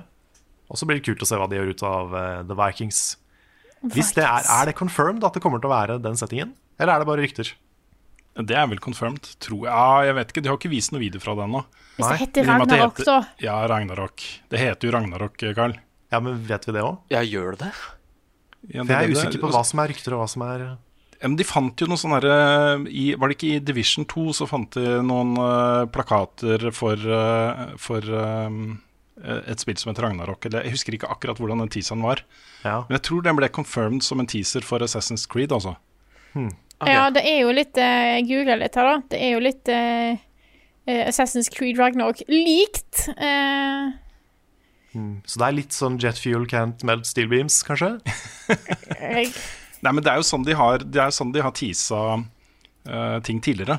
Ja. Og det har jo vært hele, også hele den eh, nye trilogien, da, hvis du skal se Ragnarok og, og Odyssey og Origins som én trilogi, har jo også blitt teasa tidligere i Assassin's Creed. For lenge siden så kunne du finne liksom de tre symbolene for de tre spillene. Ja, det er jo faktisk sant. Ja, Men har det ikke også vært en sånne feudal Japan-tease-ting inni der? Jo, men de har sagt at de ikke skal lage den. Mm, okay. ja, Da er det gått ut og faktisk sagt Ja, det er Ja, nei, men, fortsatt rykte, ser det ut som. Men at uh, når det er så mye rykte, så er det vanskelig å på en måte si helt uh, hva det er. Ja. Men det virker som det er veldig lite som er confirmed. Men uh, det, er Ok, te altså, det som jeg finner av rykte, er at det er i hvert fall det, det folk kaller det. eh, når de ikke kaller Assassin's Creed 2020. Ja, Skjønner. Så det er, eh, det er kredible rykter, da. Mest sannsynlig så blir det Assassin's Creed eh, Ragnarok. Ja. Ja. Og det er jeg dritspent på. Og så, eh, åttendeplass, har jeg satt Hellblade 2. Jeg var jo eh, veldig begeistra for det første. Det var på topplista mi i 2017, det også. 2017 var et bra år, altså. mm. Det var et av de beste, faktisk, syns jeg. Um, jeg er veldig spent på hva de gjør videre med Hellblade. Det er et litt sånn rart spill å få en oppfølger til, syns jeg. Ja, for hva er historien nå? Ja, det er det, fordi Hellblade den handler jo 100% om Senua og liksom hennes eh, traumer, på en måte. Ja, ja. Og det får jo en slags konklusjon, eh, så hvordan de kommer til å dra det videre, om det kommer til å være, kommer til å være mer av det samme, eller om det blir en mer sånn historie om ting som skjer rundt henne, en mer sånn ekstern story. Ja, For så er en ny psykisk plage, er det? Ja, for nye, nye psykiske lidelser, kanskje. Det, det er sånn Og så er jeg så er- spent, for det er, det er flere folk i traileren. Sånne, Ja. sånne warriors og sånn. Ja, sant, hvordan det kommer der til å være, liksom interagere med andre folk som Senua. Ja. Det er mye der som er litt sånn Jeg synes det er, det er vanskeligere å se for seg en Hellblade-oppfølger enn en The Last of Us-oppfølger, faktisk. Så jeg er veldig nysgjerrig på hva de gjør ut av det. Håper de liksom har en god grunn til å fortsette på Hellblade. Og så, på sjuendeplass, har jeg Ghosts of Sushima. Jeg er eh, klar for mer, eh, mer samurai slash ninja-action. Så det blir bra. Det er, jeg trenger ikke å si så mye mer, annet enn at det ser fett ut. Og så har jeg på sjetteplass Kingdom Hearts 3 Remind, som kommer nå i januar. uh, og det, det er litt kult å se den traileren, fordi de har på en måte bare adressert alle tinga som folk klaga på i, uh, i grunnspillet Kingdom Hearts 3. Her har du Final Fantasy Characters, som ikke var med i spillet. Du har en spillbar Kyrie, som jeg har mast om siden jeg var 14. Det er liksom, du har jo den originale trioen av characters, ikke sant? Sora, Riku og Kyrie. Eh, og du har kun spillet som Sora og Riku en del. Men Kyrie har liksom stått på sida og vært litt sånn useless. Hun har bare vært litt den der eh, Princess Peach-figuren som må reddes, og som liksom Man venter på at det skal skje noe med hun At hun skal få noe personlighet og få noe drive, men det har liksom ikke skjedd. Så det var derfor jeg endte Kingdom Hearts 3-anmeldelsen min med hashtag Kyrie was robbed. Fordi hun blir liksom igjen og igjen bare robba for noe spennende historie. Så den traileren her er liksom Ja, men greit, da! Eh, Ja, det er litt sånn. Så jeg, så jeg håper liksom at nå, nå kommer de til å gi, gjøre Kyrie litt justice. God damn it. Så det, det er jeg spent på. Hashtag justice, justice for Kyrie. Hashtag justice for Kyrie. Hashtag Kyrie was robbed. Ja. Og så videre. Men um, det er også masse endgame boss fights. Det er en ny story som foregår etter eh, slutten på hovedspillet. Og det er noe med at det har alltid kommet sånne, Kingdom, sånne Final Mix-utgaver av Kingdom Hearts-spill. Som på en måte har lagt til endgamet i spillet. Og eh, de har som regel ikke så mye endgame når de kommer. Men så kommer liksom en, en Final Mix-utgave da, og, og fikser det. Så um, endgamet i Kingdom Hearts 2, Final Mix, er jo noe av det kuleste i hele serien, syns jeg. De bossene og de ekstra tinga som er der. Det driver og kjemper meg gjennom det på høyeste vanskelighetsgrad i de siste fire hardcore-episodene, og det var, det var intenst, men det er sykt gøy samtidig. Det, sånn, vek, det vekker den der Dark Souls-følelsen i meg. Det å bare lære en bossfight og bare naile det til slutt, etter mange, mange, mange forsøk. Så de, eh, de tinga der er ordentlig kule. Og så har du ikke minst ganske mange nye spillbare characters som er en del av historien, men som du ikke har kunnet spille som uh, før, da. Kan jeg bare si at det høres ut som Kingdom Hearts 2 Endgame var din forløper til å bli glad i FromSoft-spill? Det kan hende det er en liten connection. Ja. For det er en, det er en bossfight. Den, den siste bossfighten i Final Mix, Kingdom Hearts 2, det er en av de favorittbossene mine ever. Den heter Lingering Will, og det er en sånn der armor, keyblade armor fight. Og den er så bra. Det er en av de beste bossene ever. Den er grisevanskelig. Brukte mange, mange titalls forsøk. Men, eh, men holy shit, den er så kul. Så jeg håper på noe sånt. Jeg håper på en kul bossfight. Som bare strekker det kampsystemet til eh, Altså, som bare bruker det for alt det er verdt. da At du virkelig må bruke alt du har i arsenalet ditt. For det, det er fett. Er det gratis DLC? Bare sånn at jeg spurte, eller er det paid? Noe av det er gratis, okay. men hovedpakka er paid. paid. Jeg tror til og med den er ganske dyr. Okay. Det er sånn Jeg har sett den oppført som 30 dollar, så det er jo ganske mye i norske kroner. For en DLC. Og så, på femteplass, har jeg Ori and the Will of the Wisps. Og det er nesten vondt å ha det helt der nede, fordi eh, jeg ga jo det første Ori eh, terningkast seks i VG. Da skalaen vår gikk til seks. Ja. Så det, det var jo bare helt magisk. Jeg forelska fått? meg Hadde du fått nå? Nei, det hadde nok vært en ti av ti. Altså. Oi, oi, oi. Jeg tror jeg hadde gitt det Ja, ti av ti, jeg òg. Hvert, hvert fall ni, men kanskje ti. fy søren. Og det har bare alt jeg liker i sånne typer spill. Det har en kul verden å utforske med kule abilities, som også er litt unike, syns jeg. Ja. Noen av de. Den derre kombinasjonen av trippel jump og dash og sånne ting som du bare liksom Du får så utrolig mye Hva, hva heter det på norsk? Maneuverability på norsk. Og så flyter det altså så godt. Mellom ja, alle disse kan- abilitiesa. Kan jeg få komme med en, en liten uh, eh, skyte inn noe her? Ja. Ja. Fordi um, Det har jeg tenkt på mange ganger. Jeg syns det er så deilig å bruke ti-skalaen kontra terningkast-skalaen. Ja. Yeah. Fordi hvis du ser på f.eks. i år, hvor jeg har gitt spill som uh, Outer Wilds og Control 9 av 10, og det er liksom en terningkast 6 I VG så ville jeg gitt det terningkast 6, men det er så deilig å kunne bare ha da den tieren til top of the top, da. ja, det er sant. Jeg liker det. Ja, det var samme for meg med Dead Cells i fjor. Mm. Det var sånn, eh, det hadde vært en terningkast seks, men det var ni av ti. Mm. Så det er sant, det. Nei, jeg, jeg vipper mellom ni og ti til Ori, altså. Og jeg, jeg har trua på at dette her kommer til å bli, eh, bli like bra. Det er liksom et spill jeg har jobba med såpass lenge. For Ja. det skulle jo egentlig til å begynne med til jeg skulle komme i 2017 eller noe sånt. Såpass, ja. Så er det utsatt, utsatt, utsatt. Vi har jo sett trailere for det i mange år. Så um, nå kommer det endelig. Og jeg er veldig klar for mer Ori. Og så på fjerdeplass har vi The Last of Us Part 2. Yeah. Enda et spill jeg anmeldte i VG til eh, terningkast 6. Og det, det er ikke en score jeg angrer på. Det har jo blitt en sånn moderne klassiker. Så uh, mer The Last of Us. Veldig spent. Mm. Det er et sånt annet element ved det spillet som, uh, som jeg likte veldig godt, men som kanskje ikke blir snakka så mye om etterpå. Og det er jo uh, ressurshåndtering og combat-systemet. Ja, Hvor for, utrolig hardcore det, det kunne være. da Mm. Jeg syns den var innmari bra. Altså. og så har du det herlige uttrykket ludonarrative dissonance. Som handler om liksom gameplay som står i konflikt med historien og sånn. Ja. Og det problemet har ikke The Last of Us. Niks. Fordi alt du gjør i spillet, det er logisk at hovedpersonene gjør i historien. Mm. Så det er en veldig god måte å flette gameplay og story på. Det er det. Så det, det imponerte meg veldig. I hvert fall det, det var jo samme året som Bioshock Infinite kom, som ikke hadde det i det hele tatt. Hvor det liksom, Nei. I historien så var det veldig dramatisk og sånn, mens du, hovedpersonen drev og spiste pølser og sukkerspinn fra søpla og sånn. så det var sånn, der var det såkalt ludonarrative dissonance, men ikke The Last of Us. Så det var morsomt å sette de to spillene opp mot hverandre det året. Men eh, på tredjeplass, helt oppe på tredjeplass, har jeg Hollow Night Silksong. Oi. Fordi Hollow Night har blitt eh, Jeg spilte det på nytt i år. Eh, nesten 100 av det. Bortsett fra den der siste DLC-en, som er så vanskelig at jeg bare jeg måtte gi opp. Men eh, alt det andre jeg tror jeg at jeg gjorde. Jeg tok eh, Nightmare King Grim, som var en sånn superboss. Som også var beinhard, men veldig givende når man endelig fikk det til. Det spillet har bare vokst og blitt et av favorittspillene mine ever. Jeg tror ikke jeg hadde det med på den podcasten i sommer. Og den er jo nå allerede utdatert for de holder meg, ikke er med.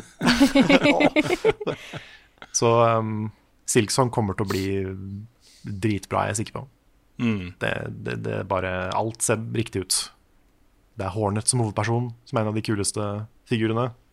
Du har eh, forhåpentligvis like bra musikk, like bra level design. Like mye kule secrets og masse law som, liksom, som de får til litt på den der eh, mystiske Souls-måten. Å fortelle en historie på eh, via omgivelser og sånne ting. Så de er så gode på worldbuilding, og jeg er bare så klar for mer. Og så, på andreplass, har vi Final Fantasy 7 remake. Snakka litt om det i stad, men eh, jeg er jo en sånn Jeg er ikke den som mener at eh, Final Fantasy 7 er det beste spillet i serien. Det er veldig mange av de. Jeg er mer på Final Fantasy 9, men, eh, men jeg liker Final Fantasy 7 veldig godt. Jeg har fortsatt litt blanda følelser om at det bare er starten på Final Fantasy 7, det her. Jeg syns Square Enix gjerne kunne, kunne kommunisert det litt tydeligere for alle de som kjøper det på launch og bare Ja, men det er ikke hele spillet. Det syns jeg er litt, eh, litt, litt sånn shady, kanskje. At ikke de har det plastra på coveret, at dette er part one, liksom. Ja, for hva skal de kalle det neste del, da? Final Fantasy 7 2? 7-2. Ja, sju, sikkert part two, tipper jeg. Ja, det blir jo sikkert da. Men, eh, men jeg er fortsatt veldig spent, og de har jo utvida Midgard-delen, som er første halvdel av første disken i originalspillet, til å bli et helt spill, da. Hvor mange disker er det? Tre. Oh, oh my god. Men disk tre er liksom bare, bare siste dungeon, egentlig. OK. Nesten. Så det er, det er liksom to, to disker pluss litt ekstra. Så jeg tipper uh, Final Fantasy 7 kommer til å få fire eller fem uh, deler. Hvis jeg skulle bare gjort en educated guess. Men uh, Nei, det, det er jo et omfattende spill å lage en remake av. Og hele Midgard eh, som verden, som by, er jo en veldig sånn spennende setting. Litt Hva skal man kalle det? Litt sånn sci-fi, uh, cyberpunk-aktig. Ikke helt cyberpunk, men, uh, men bare, bare en veldig kul, mørk dyster, men samtidig veldig sånn Feil å si fargerik, men uh, multi, multilayered. Det er, det er mye som foregår i Midgard. Mye, mye kult å ta tak i der. Og så liker jeg at de har jo tilsynelatende fortsatt med alle de rare quirky sidene av det spillet. Som jeg var redd for at de skulle kutte. Sånn som at uh, det er en sekvens i Final Fantasy 7 der Cloud, hovedpersonen, må, må kle seg ut i drag for å uh, slippe inn hos en hallik. Som nå tilsynelatende spilles av Mark Hamill. så det er jo litt, litt funny. Ja, det er kult. Ja. Eh, Så det er, mye, det er mye gøy også. Cloud er jo en litt sånn kjent for å være en litt sånn brooding emo hovedperson. Men det spillet har noen litt sånne lysere sider som jeg Så det virker som de fortsatt har med, da. Så det er bra. Så jeg, bare, jeg gleder meg bare til å spille. Jeg har trua. Og så, sjokkerende nok på førsteplass Jeg forbereder en high five her, eh, Karl. Ja. Elden Ring. Ja, high five. Discord high five. det, det kan jo ikke være noe annet. Jeg har eh, falt pladask for hvert eneste FromSoft-spill siden jeg begynte å spille den Det, det, dette er jo hva Svendsen har gjort med oss. Altså. Ja, det er helt sant. Alt kommer fra han. Ja. Det er ikke sikkert jeg hadde spilt Dark Souls engang hvis ikke det var for Svendsen. Mm. Skal jeg komme med en liten sånn derre Tenk kan det ikke bli bra, da. Ja, det tror Gå jeg ikke. og legg deg, Fri Frida. Bare Nei, det Altså, så vidt altså, det, jeg har, eh, det jeg har lest om det, er at da, da Sekiro gjorde det til et mer actionspill, så kommer eh, Elden Ring til å lene seg mer tilbake på den litt mer den der RPG-fantasy-greia Ah, igjen. Og jeg er klar for et nytt Dark Souls, på en måte. mm. Og det virker som det er det der, en sånn videreutvikling av Dark Souls mer enn Bloodborne og Sekiro. da. Mm. Og det, det er veldig, veldig klar. Men det er liksom alle ryktene eller alle de mer eller mindre bekrefta tingene vi har fått om det spillet. F.eks. at du skal kunne ri på hest. Mhm. Det er jo dritfett. Det sier noe om verden det foregår i. Hvor, hvor stor den kommer til å bli. Altså, du trenger jo ikke hest hvis miljøene er like store som i Dark Souls. Nei, sant. Også uh, worldbuilding av uh, George R. R. Martin, ikke minst. Oh, Jesus Christ, altså. Jeg, jeg vet jo at jeg, kommer til, å- jeg driver jo bare og tuller med dere her. Det, Ja, nei, men det, det, det er liksom Når det kommer til FromSoft-spill, så har jeg ikke noe tvil lenger på at det kommer til å bli bra. Jeg var jo usikker på Sekiro, på om det kom til å liksom Det at de forandra det såpass mye, um, at det kom til å ødelegge. Men så har de bare bevist at nei, vi kan endre på formelen og fortsatt være best. Så nå, nå har jeg 100 tro på dem. Men de er jo så presise. Altså, jeg føler at eh, Miyazaki har så utrolig konsis og presis eh, forståelse av hva spillet skal være for noe. Og så gjør de det bare. Altså, det er ikke noe tvil om hvordan de skal gå fram, de bare gjør det. Um, og det, Og så er det, det så jo- fett å se den derre Sorry, skulle du si noe? Nei, nei, nei, fortsett. Ja, det er så kult å se den der reisen til Miyazaki og FromSoft. Fordi Mm. det begynte jo på PS3 med et sånt rart lite nisjespill som var vanskelig, som, ingen, som folk liksom ikke visste om de likte. Demon's Souls. Og så har det bare vokst og vokst og vokst, og så vinner de fuckings eh, Game of the Year på Game Awards. Mm. Det er kult. altså å se liksom Ja, den, den reisen de har vært på. Yes. Mm. Jeg ser Det var min en, liste. Fighten Cowboy jeg har starta, eller har eh, nesten ferdig med. En Mm. playthrough av Demon's Souls. Den tenkte jeg skulle se på i jula. Ja. Det, jeg kan faktisk anbefale deg å spille det òg, altså, hvis ikke du har gjort det. Jeg har begynt på det. Jeg syns Ja. det, jeg, det var litt vanskelig, altså. Å gå tilbake til det etter å ha spilt uh, alle de tre andre Dark Souls-spillene. Ja, det er det i starten. Uh, men jeg spilte det en sommer for et par år siden, Ja, og det går over, altså. Okay. Du kommer litt inn i det likevel. Ja, kanskje. Bare, sånn, bare for å kunne ha sagt det. At Ja. jeg har spilt gjennom det også. Men Yes. det, var, det var meg, så da kan du få lov å ta over, Nick. Ja, da skal jeg bare dobbeltsjekke at det ikke har dukket opp noen surprise announcements ikke sant, på nettet sånn. Ja, mens vi sitter her. Ja. Majora's Mask 2? Det er bra du er grundig, Nick. Ja, ikke sant.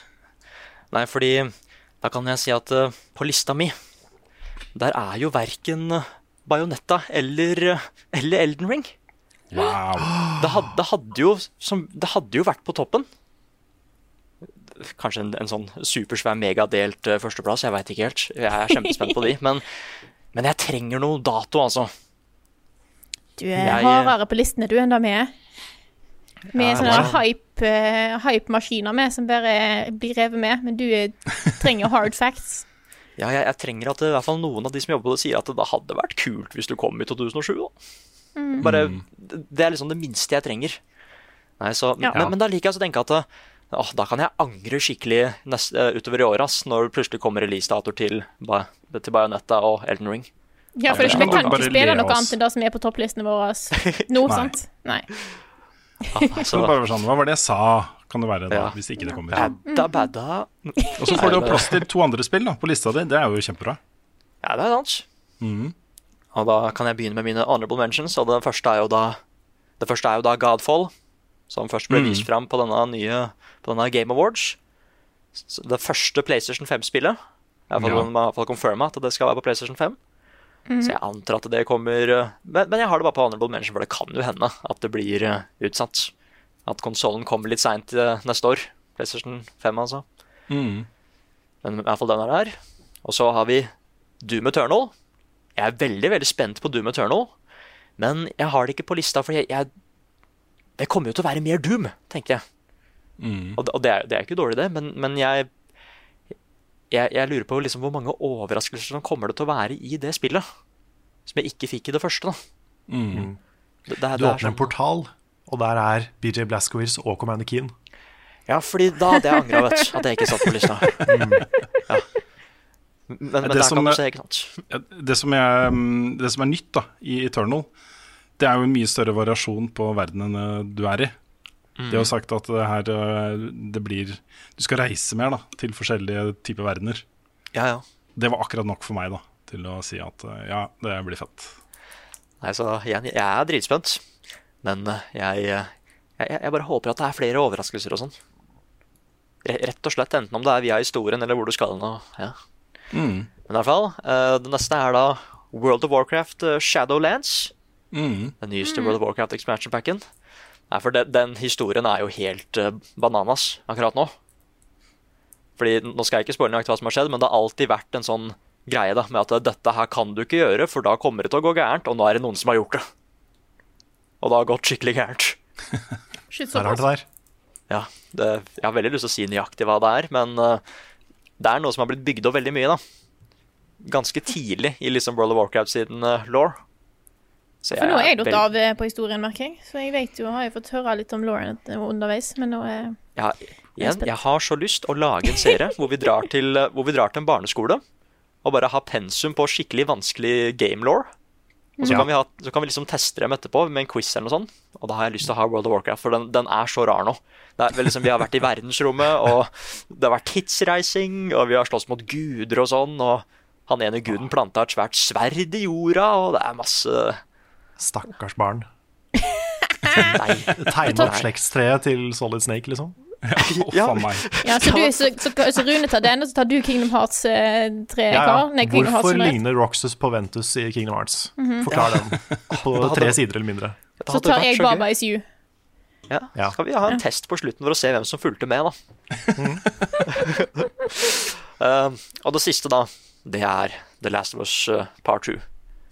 For jeg er en av de som Jeg, jeg, gleder meg fordi det er et uh, Naughty Dog-spill. They make uh, good games. Og jeg veit at det kommer til å bli bra. Men jeg syns fortsatt at det å fortsette historien til Ellie og sånn, det er en dårlig idé. Det er en uh, legitim holdning å ha, Nick. Ja, jeg, det, det, den slutten, det, det, slutten på det første, det er en så perfekt slutt. Det er en av Helt de beste enig, sluttene jeg har sett. Ja, samme her. Ja, det er en sånn Inception-slutt, på en måte. Ja.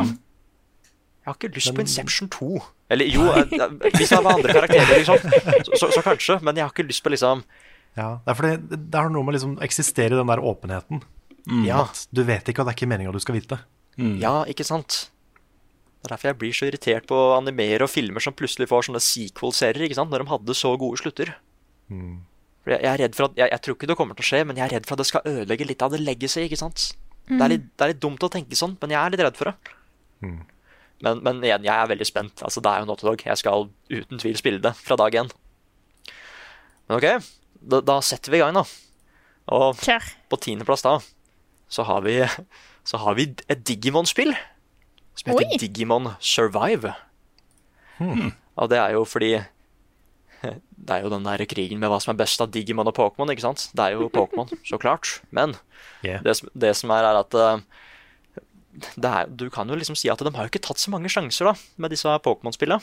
De liker å spille litt safe. Mens Digimon er bare sånn at vet du hva, i det neste spillet vårt så skal det være permadeath. Wow! Så da kan liksom både Pokémona, eller slash Digimona, og treneren dø, da. Wow. Shit.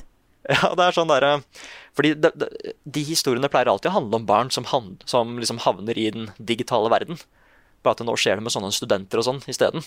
Litt sånne småvoksne, ikke sant. Og da, da kan det gå litt vilt for seg, for det er jo farlige dyr.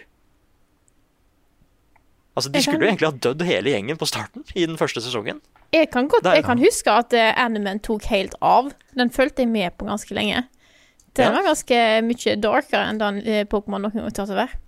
Ja, ikke sant? Så jeg er eh, De sier at liksom det skal være en sånn Det skal være en blanding av visual novel, men også RPG, da. Sånn turbasert.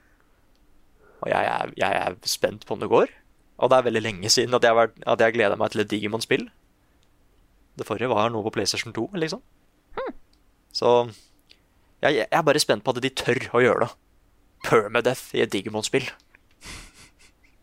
Men tenk når Pokémon gjør det. Ja, tenk når Pokémon gjør det. Altså, det er som å spille Nuzlocke, da, egentlig. Men at treneren òg kan dø. Ja, treneren, den du styrer, kan også dø.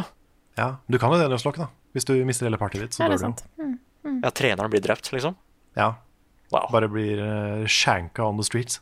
Men da er jo egne regler som er satt, da. Det er ikke spillet i seg sjøl som, uh, som står at 'nå døde du', faktisk. Ja. Sorry. Liksom.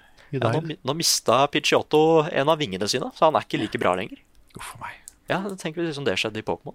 Men i hvert fall. Uh, på nummer ni så har vi Gods and Monsters. Og det er lagd av de samme som har lagd dette Assassin's Creed eh, skjer. Mm. Og det, folk sier at det er I hvert fall det de tror, da, at det er Breath of the Wild med gresk mytologi. Og det er nok, altså. Det, det, det er nok for meg. Ja, jeg må ha litt mer, da. Jeg vurderte den, jeg også. Men denne, denne, da har du bare sett den ene korte teaseren som de hadde på Var det Eter i fjor? Eller forrige fjor? Ja, i fjor, tror jeg. Ja. Nei, var ikke, jeg var også, ikke i år? Ja, nå, Altså, nå er vi, i husk at nå er vi nå. første uka i januar. Ja, ikke sant. Vi lever i fremtiden, vi nå. ja. Å, det, det tenkte jeg ikke på engang, men det, det er helt riktig. Ja, ja, ja, igjen, altså, det hadde vært gøy å sett noe gameplay eller sånn, men bare jeg, jeg, jeg synes, Det er så mange som sier at det bare dette er en Breath of the Wild-klone, og bare ja, men vet du hva, det går helt fint. Så der er det greit, men Elden Ring ikke greit. Hva? Nei, nei, nei. Vi har ikke noe dato på Gods and Monsters heller. Jo, er ikke det Har de ikke nøyaktig sagt at det er et 2020-spill? Ja, det skulle egentlig det komme i 19? Ja, det Ja, kan kanskje. hende de har sagt at det er Kanskje. 2020. Nei, hvis ikke så er Jeg jeg skal prøve ikke å være bitter. Ja, hvis ikke så er jeg full av skitt. Og det, det var, jo ikke meningen, det. Men, men Noen jeg, ganger så er vi, noen ganger så er vi Boobo the Fool. Sånn er det bare. ja, ja, Men kan vi stoppe sorry. litt opp her? Fordi okay. det er litt interessant det med Ubisoft. Fordi det er, det er et par av de uh, spillene som de kommer med nå i 2020, som normalt sett kanskje ville ha hatt en plass på topp ti- hos meg. I hvert fall en honorable mention. Og et av de spillene som eh, lanseringen av Breakpoint eh, nå i høst eh, har gått litt utover, det er eh, um, uh, eh, Watchdogs, Legion. Ja. Som alle gleda seg til da de så det på etere, eller hva det var. Jeg husker ikke hvor det var. jeg. Var etere, var det ikke etere? Nei. Jo, det var E3. Jo. Um, og det ser jo fortsatt kjempefett ut. Men jeg merker at min entusiasme for, uh, for den type Ubisoft-utgivelser har blitt litt uh, uh, lavere etter lanseringen av Breakpoint. Nå har ikke jeg spilt Breakpoint, så det kan hende at det er bedre enn alle andre sier det. Men uh, det var litt synd, altså. Ja, Det er en sånn jojo det følger med på Ubisoft. Mm, det er, Noen år er de på toppen, eh, andre år så er det ikke det. Ja, det er sant. Jeg kan jo si at jeg har googlet dette her, og den originale E3-traileren viste releasedato 25.2.2020, men at det sannsynligvis nå eh, kommer senere. Eh, currently eh, release sometimes fall 2020. ja, nettopp. Ja, ok. Og så har du Beyond Good and Evil 2 også, som det kanskje kommer, kanskje ikke. Sannsynligvis da ikke i 2020, men uh, Ja. De holder på med mye rart. Ja, på den annen side så har vi jo fleste av oss har jo nevnt Assassin's Creed, da. Ragnarok. Så. Ja. Og snakker om Assassin's Creed, ja, for det er, jo, det er jo på nummer åtte, da. Assassin's ja, Creed Ragnarok. Mm. Og det er egentlig bare alt det som alle andre har sagt, at jeg er så, jeg er så glad i den nye formelen de har gjort med Assassin's Creed. Skikkelig RPG. Og jeg er bare kjempespent på at hvis de bare gjør det samme med norrøn som de gjorde med gresk mytologi og sånn, og bare mm. den settingen, antikkens Hellas, kan bli kult, ass. Mm. Altså er jeg bare oh, yeah. veldig spent på at de De har en litt sånn sammenhengende historie til den, til den der nåtidshistorien nå. Og det, det syns jeg er gøy. At uh, Jeg aner ikke hva som skjedde med hun Juno, eller hva hun heter, men dette er noe nytt. De har starta på nytt igjen. Så jeg, jeg, jeg, jeg er spent på liksom nåtidshistorien igjen. da mm. Mm. Og det, det, er litt kult. Så ja, da, da bare fortsetter vi videre. Mm -hmm. Og det neste, da, på nummer sju, det er jo Final Fantasy 7 remake. Jeg har jo ikke, det er jo et av mine store hull, ikke sant? Final Fantasy 7. Mm. Og, og, så er det så Jeg har hørt at det er noen skikkelig, skikkelig voldsomme plot twists rundt omkring i det spillet. Ja. Jeg, det, er ikke, ikke, safe å lese om Final Fantasy 7, altså. Hvis ikke du har blitt spoila ennå. Nei, altså, jeg, jeg blir spoila med et angrep til den siste bossen. Å oh, ja. Nei, det er ikke spoileren. Nei. Har, jeg har hørt at han har et angrep som er sånn to minutter langt. Er, ja. hva, kan det, hva, kan det, være? Men uh, Vent, hvis det er del... Er, er en av de store plot-twistene i det spillet som kommer nå, Carl? Tror du det? Jeg tror ikke det. Jeg tror uh, den, sto, den, store plot-twisten i Final Fantasy 7 den tror jeg kommer til å være på slutten av spill nummer to. Den har ah, okay. til og med jeg hørt om. Jeg har jo bare ja. spilt uh, en halvtime av Final Fantasy 7 i gamle dager. du, er, du, er, god hvis du, hvis du ikke, til, hvis ikke du blir spoila, Nick, så er du god. Altså. Ja, er For det er, sånn der, det er en sånn der Snape kills Dumbledore-type spoiler. Ja. Shit. Kanskje jeg bør fylle det hullet først, før remaken. Det kan faktisk hende det er lurt. Altså. Wow. Hvis, hvis, du ikke vil bli spoila på den historien, så kan den være lurt. Åh, det, åh, da må jeg dodge så mye. Åh, jeg, det må jeg finne ut av. Men, men jeg, jeg, Vi så den første boss battle i, um, på E3, tror jeg. Bare mm -hmm. åssen det gameplay kommer til å se ut. Og jeg tenker bare dæven, hvis dette her er så crazy mm. Jeg veit jo at Sephiroth er en svær skurk. Åssen kommer kampene til å bli med han? Hell yeah. Ja, ikke sant? Og jeg har sett denne Advent uh, noen klipp av denne Advent Children-filmen, eller noe sånt, og det så fett ut, det òg. Så blir det noe sånn. Altså, hmm. I don't know. Det er jo Dragonball, de kampene der, av og til. Ja. Hvis, du, hvis ikke vi vil bli spoila på Final Fantasy 7, så kan du heller ikke se Advent Children, forresten. Nei, men jeg har ikke sett den. Jeg har bare sett klipp. Okay, okay. Stiv, men de hopper så høyt og slåss i lufta og sånn, ikke sant. Ja, ja. ja, fordi sånn er egentlig ikke spillet. Så det, det husker jeg reagerte litt på. At Cloud kan jo ikke fly, liksom. Kanskje han kan det i remaken. Han hopper høyt, Carl. Mm -hmm. Ja. Nei, var så, den var så veldig over the top, den filmen. Så, um, fordi jeg ser jo på liksom Cloud som en okay, Han er en soldat, men han er en vanlig person. Ja. Så det at han kan hoppe tre, en kilometer opp i lufta, syns jeg var litt, litt, rart. Men han tar han ikke salto fra toget? En ganske jo. høy salto? Jo, det gjør han. Ja, så jeg antar at han kan hoppe høyt, altså. ja. Nei, så igjen, jeg, jeg er veldig spent. Så hvis jeg liksom klarer å jeg, jeg, håper at jeg kan spille det først, før jeg liksom spiller det originale. De, de, de kampene ser så kule ut. Mm. Så, så jeg, jeg, er veldig spent. Og så er det en klassiker, ikke sant? så det er gøy å få det med seg. Men ja, eh, nummer seks, da. Det er jo et Dragon Ball-spill! Oh, det er jo Dragon Ball C. Kakarot heter det. Og det er jo det, det er en liten spoiler, men det er jo det ordentlige navnet til Goku. Ah. Ja, ikke sant? Så han heter jo egentlig Kakarot. Nei, og jeg er eh, Jeg er jo så klart alltid spent på Dragon Ball. Men her, dette er ikke et fighting-spill, det er en RPG. Det er jeg veldig spent på. For det, det, siste som var sånn, det var på Game by Advance. Som jeg tror heter Legacy of Goku. Så det er liksom få det på et, et ordentlig konsollspill, det er jeg veldig spent på. Og jeg, jeg, vil at dette skal være det spillet hvor folk som er nye til serien, kan hoppe inn i det. Eller kanskje, hvis de ikke har hørt om Dragon Ball engang, at de kan sette i gang og spille det og få historien servert på en god måte. da. Ikke mm. sånn der, ikke sånn som Naruto gjorde det, med at det bare her har du en liten cutscene og masse, masse, masse tekst. Ja. og så At det liksom Det er en fin måte å oppleve den historien på, da. Det er det jeg håper. Ja, en origin-historie, på en måte? Ja. Mm. At det liksom den, den første, De første liksom Dragon Ball-sesongene Kult. Nei, så Plutselig at det er jo lagd av de samme folka som Eller mange av dem er jo fra Naruto og Alt Medina Storm, så det ser jo dritbra ut. Liksom grafikkmessig. Jeg elsker den selvshade-stilen. Så jeg, jeg er bare spent på å se disse kjente scenene og sånn i den stilen. Mm. Så det kommer til å, kommer til å bli fælt. Men så, så er vi halvveis, da. Og nummer fem, da. Som jeg overraska ingen andre har, men jeg, jeg, kanskje jeg skjønner det òg. Det er jo Marvels Avengers fra Square Enix. Ja, ser er- litt boring ut, Nick. Ja, men nei, fordi det er sånn Altså, noe av det jeg har sett, er jeg litt sånn opp og ned på. Noe av combaten og sånn. Men jeg er så spent på set pieces og sånn. Sånne svære action, den brua holder på å eksplodere og gå i stykker, men vi må fortsatt slåss på en set pieces, da.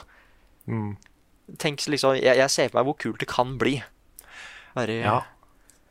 Jeg syns det mest spennende med det spillet er det de har sagt utenom trailerne, egentlig. Mm, enig. For det er vel Er det ikke Miss Marvel som er en av hovedpersonene i det?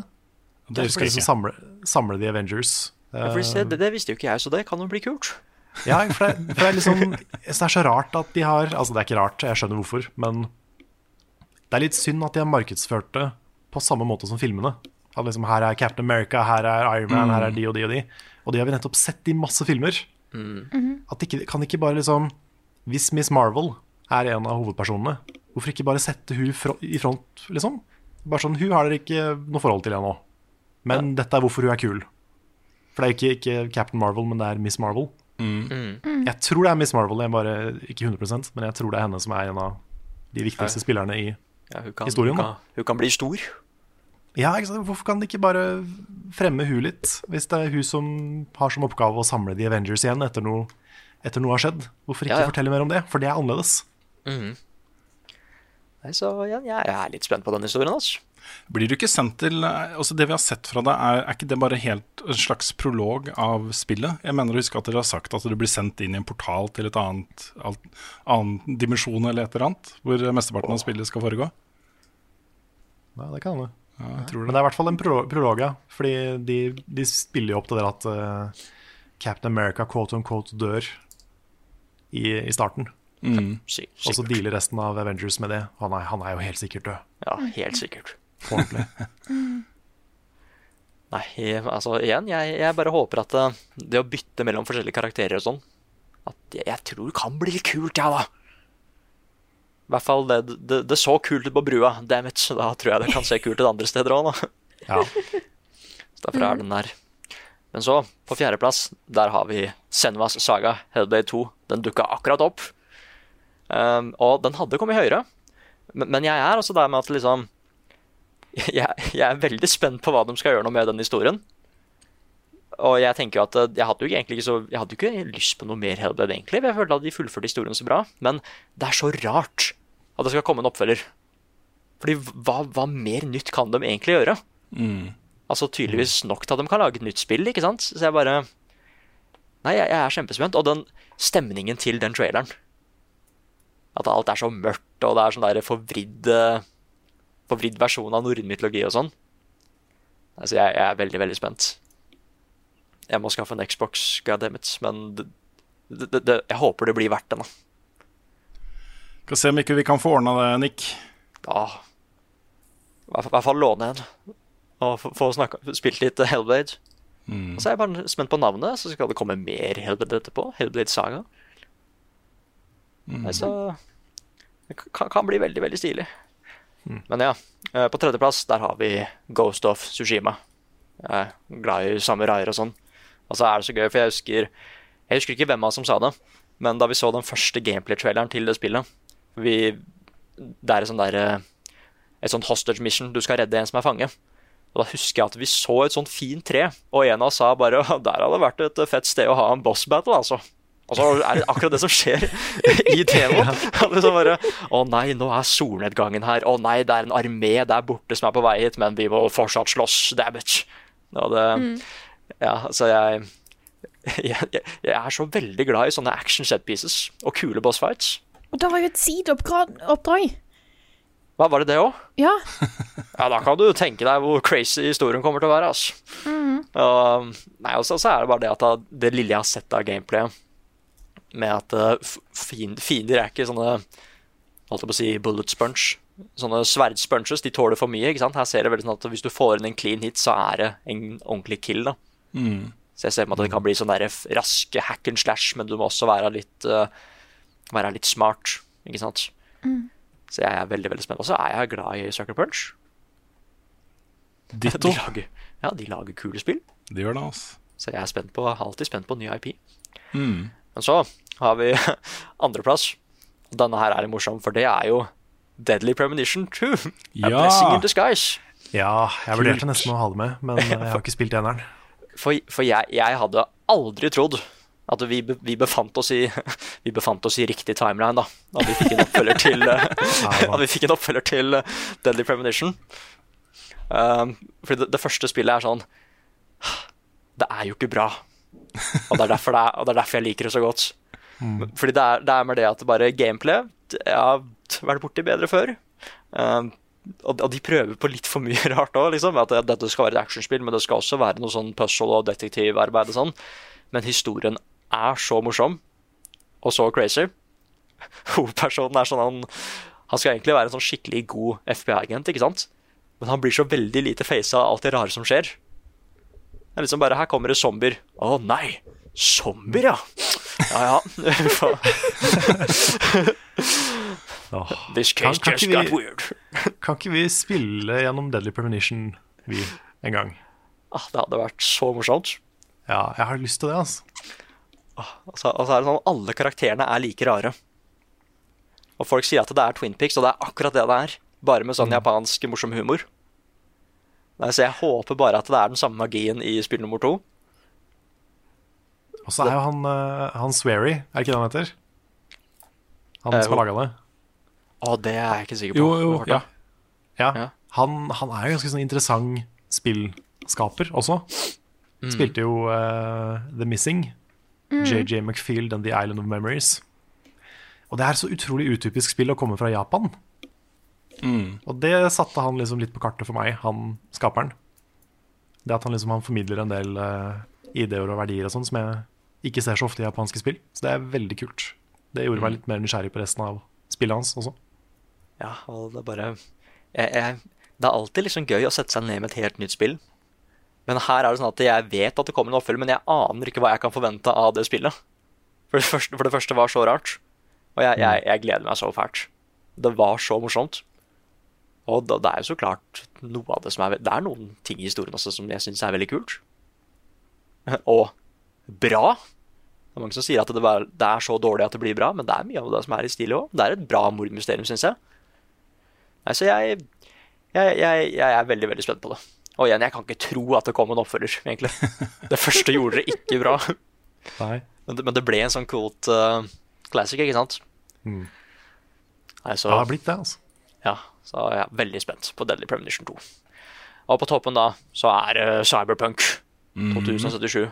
Og det er så gøy at helt siden jeg så den før Jeg visste ingenting om universet før jeg så den der teaser-traileren som kom i 2013, tror jeg det var. Så lenge siden? Ja, enten slutten av 2012 eller starten av 2013. Den, den, er, den er gammel, ass. Og jeg- ble bare helt forelska i det universet. Og jeg syns det, så- det er så stilig at det, etter så mange år Ofte så hører vi om sånne spillanseringer som det tar fem-seks år før den dukker opp, og da pleier hypen å dø litt. Men jeg er fortsatt spent. Mm. Jeg, jeg er mer spent. Ikke sant? Og, og, og så er det bare at de har fått dette, disse Project Red-folka har fått det kvalitetsstempelet, ikke sant? Dette Witcher. Ja, de har det, og det, Witcher 3 har jo vært et sånt spill som folk har oppdaga jevnt og trutt. De årene etter lansering også. Folk som spiller det for første gang nå, liksom. Som, eh, eller i fjor, eller forrige fjor. Så det kommer stadig vekk liksom nye mennesker inn i Witcher-favnen, eller CD Project Red-favnen. Og blir en del av et community. Alle tar imot det med åpne armer, for de vet jo hvor bra Witcher 3 er, og regner det som et av de beste spillene de har spilt noen gang, og, og sånne ting. da Ja, ja. så det er litt sammenlignbart med Dark Souls uh, og FromSoft-gjengen, på en måte. Du blir en del av noe. Ja, ja den historien, ja. Mm, Om CD Projects. nettopp. Mm. de er jo sånne good guys òg, da. De sier jo det Og her skal det vel være dels, øh, eller sånn mikrotransaksjoner, har de ikke sagt det? At det var noe i multiplayer eller et eller annet? ja det var et eller annet. Noe. Men i hvert fall eh, singleplayer-delen, da, eh, content-wise, kommer til å være i boksen. Mm. Det, er, eh, det er litt sånn good guys på det. Ja. Altså, det, det er litt gøy, fordi et år siden så sa jeg at i 2019 så kommer, så kommer det til å bli Game of the Year, tror jeg. For det er så Ja, jeg har liksom ikke sett en sånn, den- denne vrien på sci-fi da, som de gjør. Og hvis det er så bra, liksom En så fin open world, og så fungerende som det var i Witcher, så kan det her bli noe skikkelig spesielt, altså. Så da sier jeg at i 2020 så er det Game of the Year. Allerede. et år. Ja. Vet du hva vi sier? Det, det er litt gøy. Jeg kan si det. Det, det er Game of the Year, dere. Vi får vi se om det stemmer. Nei, og så er jeg, så er jeg sånn der at eh, Det er så veldig mye Deus Ex i det også. Med måten du kan liksom gjøre ting.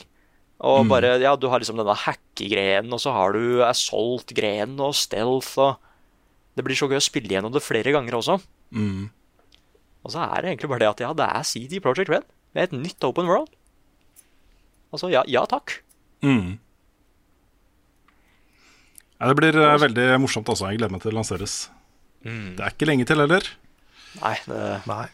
16. april. ja, og så har de andre spillet av Keanu Reeves. Jeg tror ikke det. altså. Her du sier noe. Jeg er så spent på den historien nå. Men ja, så Cyberpunk, det er det uten tvil det spillet jeg glemmer meg mest til. Med mindre Elden Ring og Bionetta får en sånn plutselig en release releasedag nå. Da må jeg tenke meg litt om. Delt førsteplass på alle sammen. Det ser ut til å bli litt av et år, dette her, altså. Ja, jeg gleder meg sånn. Det blir kjempegøy. Og et spennende år for oss også. Det er uh, mye, mye på trappene det. som jeg håper, håper det blir noe av. Mm. Det har vært en spennende høst, og det blir en veldig spennende vår. Det gjør det, altså. Så eh, Ja. Skal vi runde av her? Ja, vi må nesten gjøre det. Nå har vi babla lenge, folkens. Det har vi. Mm. Og så vet du ikke da helt hvordan januar ser ut for oss ennå. Når vi er sånn fullt tilbake på jobb og, og sånne ting. Det er opptil flere av oss som trenger litt R&R akkurat nå. Så, Men sannsynligvis er vi vel tilbake med en ny episode igjen neste uke, vil jeg tro. Ja. Vi tipper det. Og så må vi jo si tusen takk til alle dere som støtter oss på Patron. Vi håper at dere alle sammen får et fantastisk eh, spillår 2020 med bare spill som dere liker og er glad i. Ja, så må jeg bare få sagt også, eh, samme, altså Tusen takk først. Men også den si beste måten å sikre at vi fortsetter å lage podkaster som dette og anmeldelser av Cyberpunk 2077 og Elden Ring og alle de kule tingene som kommer i 2020, det er å gå inn og backe oss på Patron, hvis ikke du gjør det allerede. Det er ikke mye som skal til også. Det er ikke veldig mange mennesker med småbeløp som skal til før vår videre drift er sikra, på en måte. Så Det er helt sant. hvis du har eh, noen kroner å avse så, eh, og har lyst til å se de anmeldelsene av alle disse kule spillene, så er det et bra tidspunkt å gå inn på patron.com slash levelupnorge og gjøre det nå. Bra salgspitch, Også- kanskje? Ja, Ja, fin, fin salgspitch. Og så er det jo også um, eh, Det nærmer seg jo med stormskritt at vi skal til Kristiansand. Det er riktig. Det er bare noen uker til når du hører på den podkasten her. Mm. Vi skal eh, ned sammen med Bjørn, Rune og jeg og spille inn en live podcast Ja. på hva heter utestedet? Østsida heter det. Det er studenthuset Østsida. i Kristiansand. Yes. Det er da fredag 17. januar. Dørene åpner klokka 19. Vi står på scenen 20, tror jeg, og er klare som egg for å lage et herlig liveshow. Hell yeah. Klare som ekstra klare egg. Ja. Og så blir det jo et uh, jubileum i februar, så det skjer jo sikkert noe òg. Det gjør det også. Yes. Det gjør det. All right. Da sier jeg tusen takk for at du hørte på denne episoden her av Level Backup. Eh, Takk for oss. Og så snakkes vi sannsynligvis igjen neste uke. For deg som hører på, vi er jo noe vekk bak, men vi snakkes nok igjen neste uke.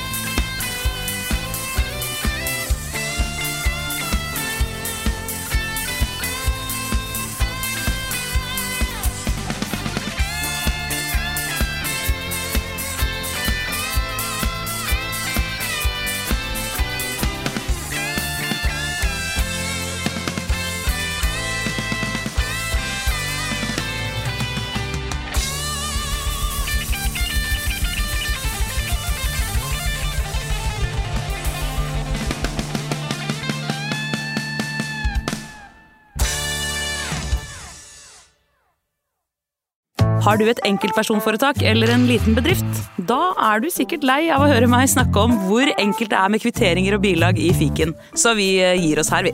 Fordi vi liker enkelt. Fiken superenkelt regnskap.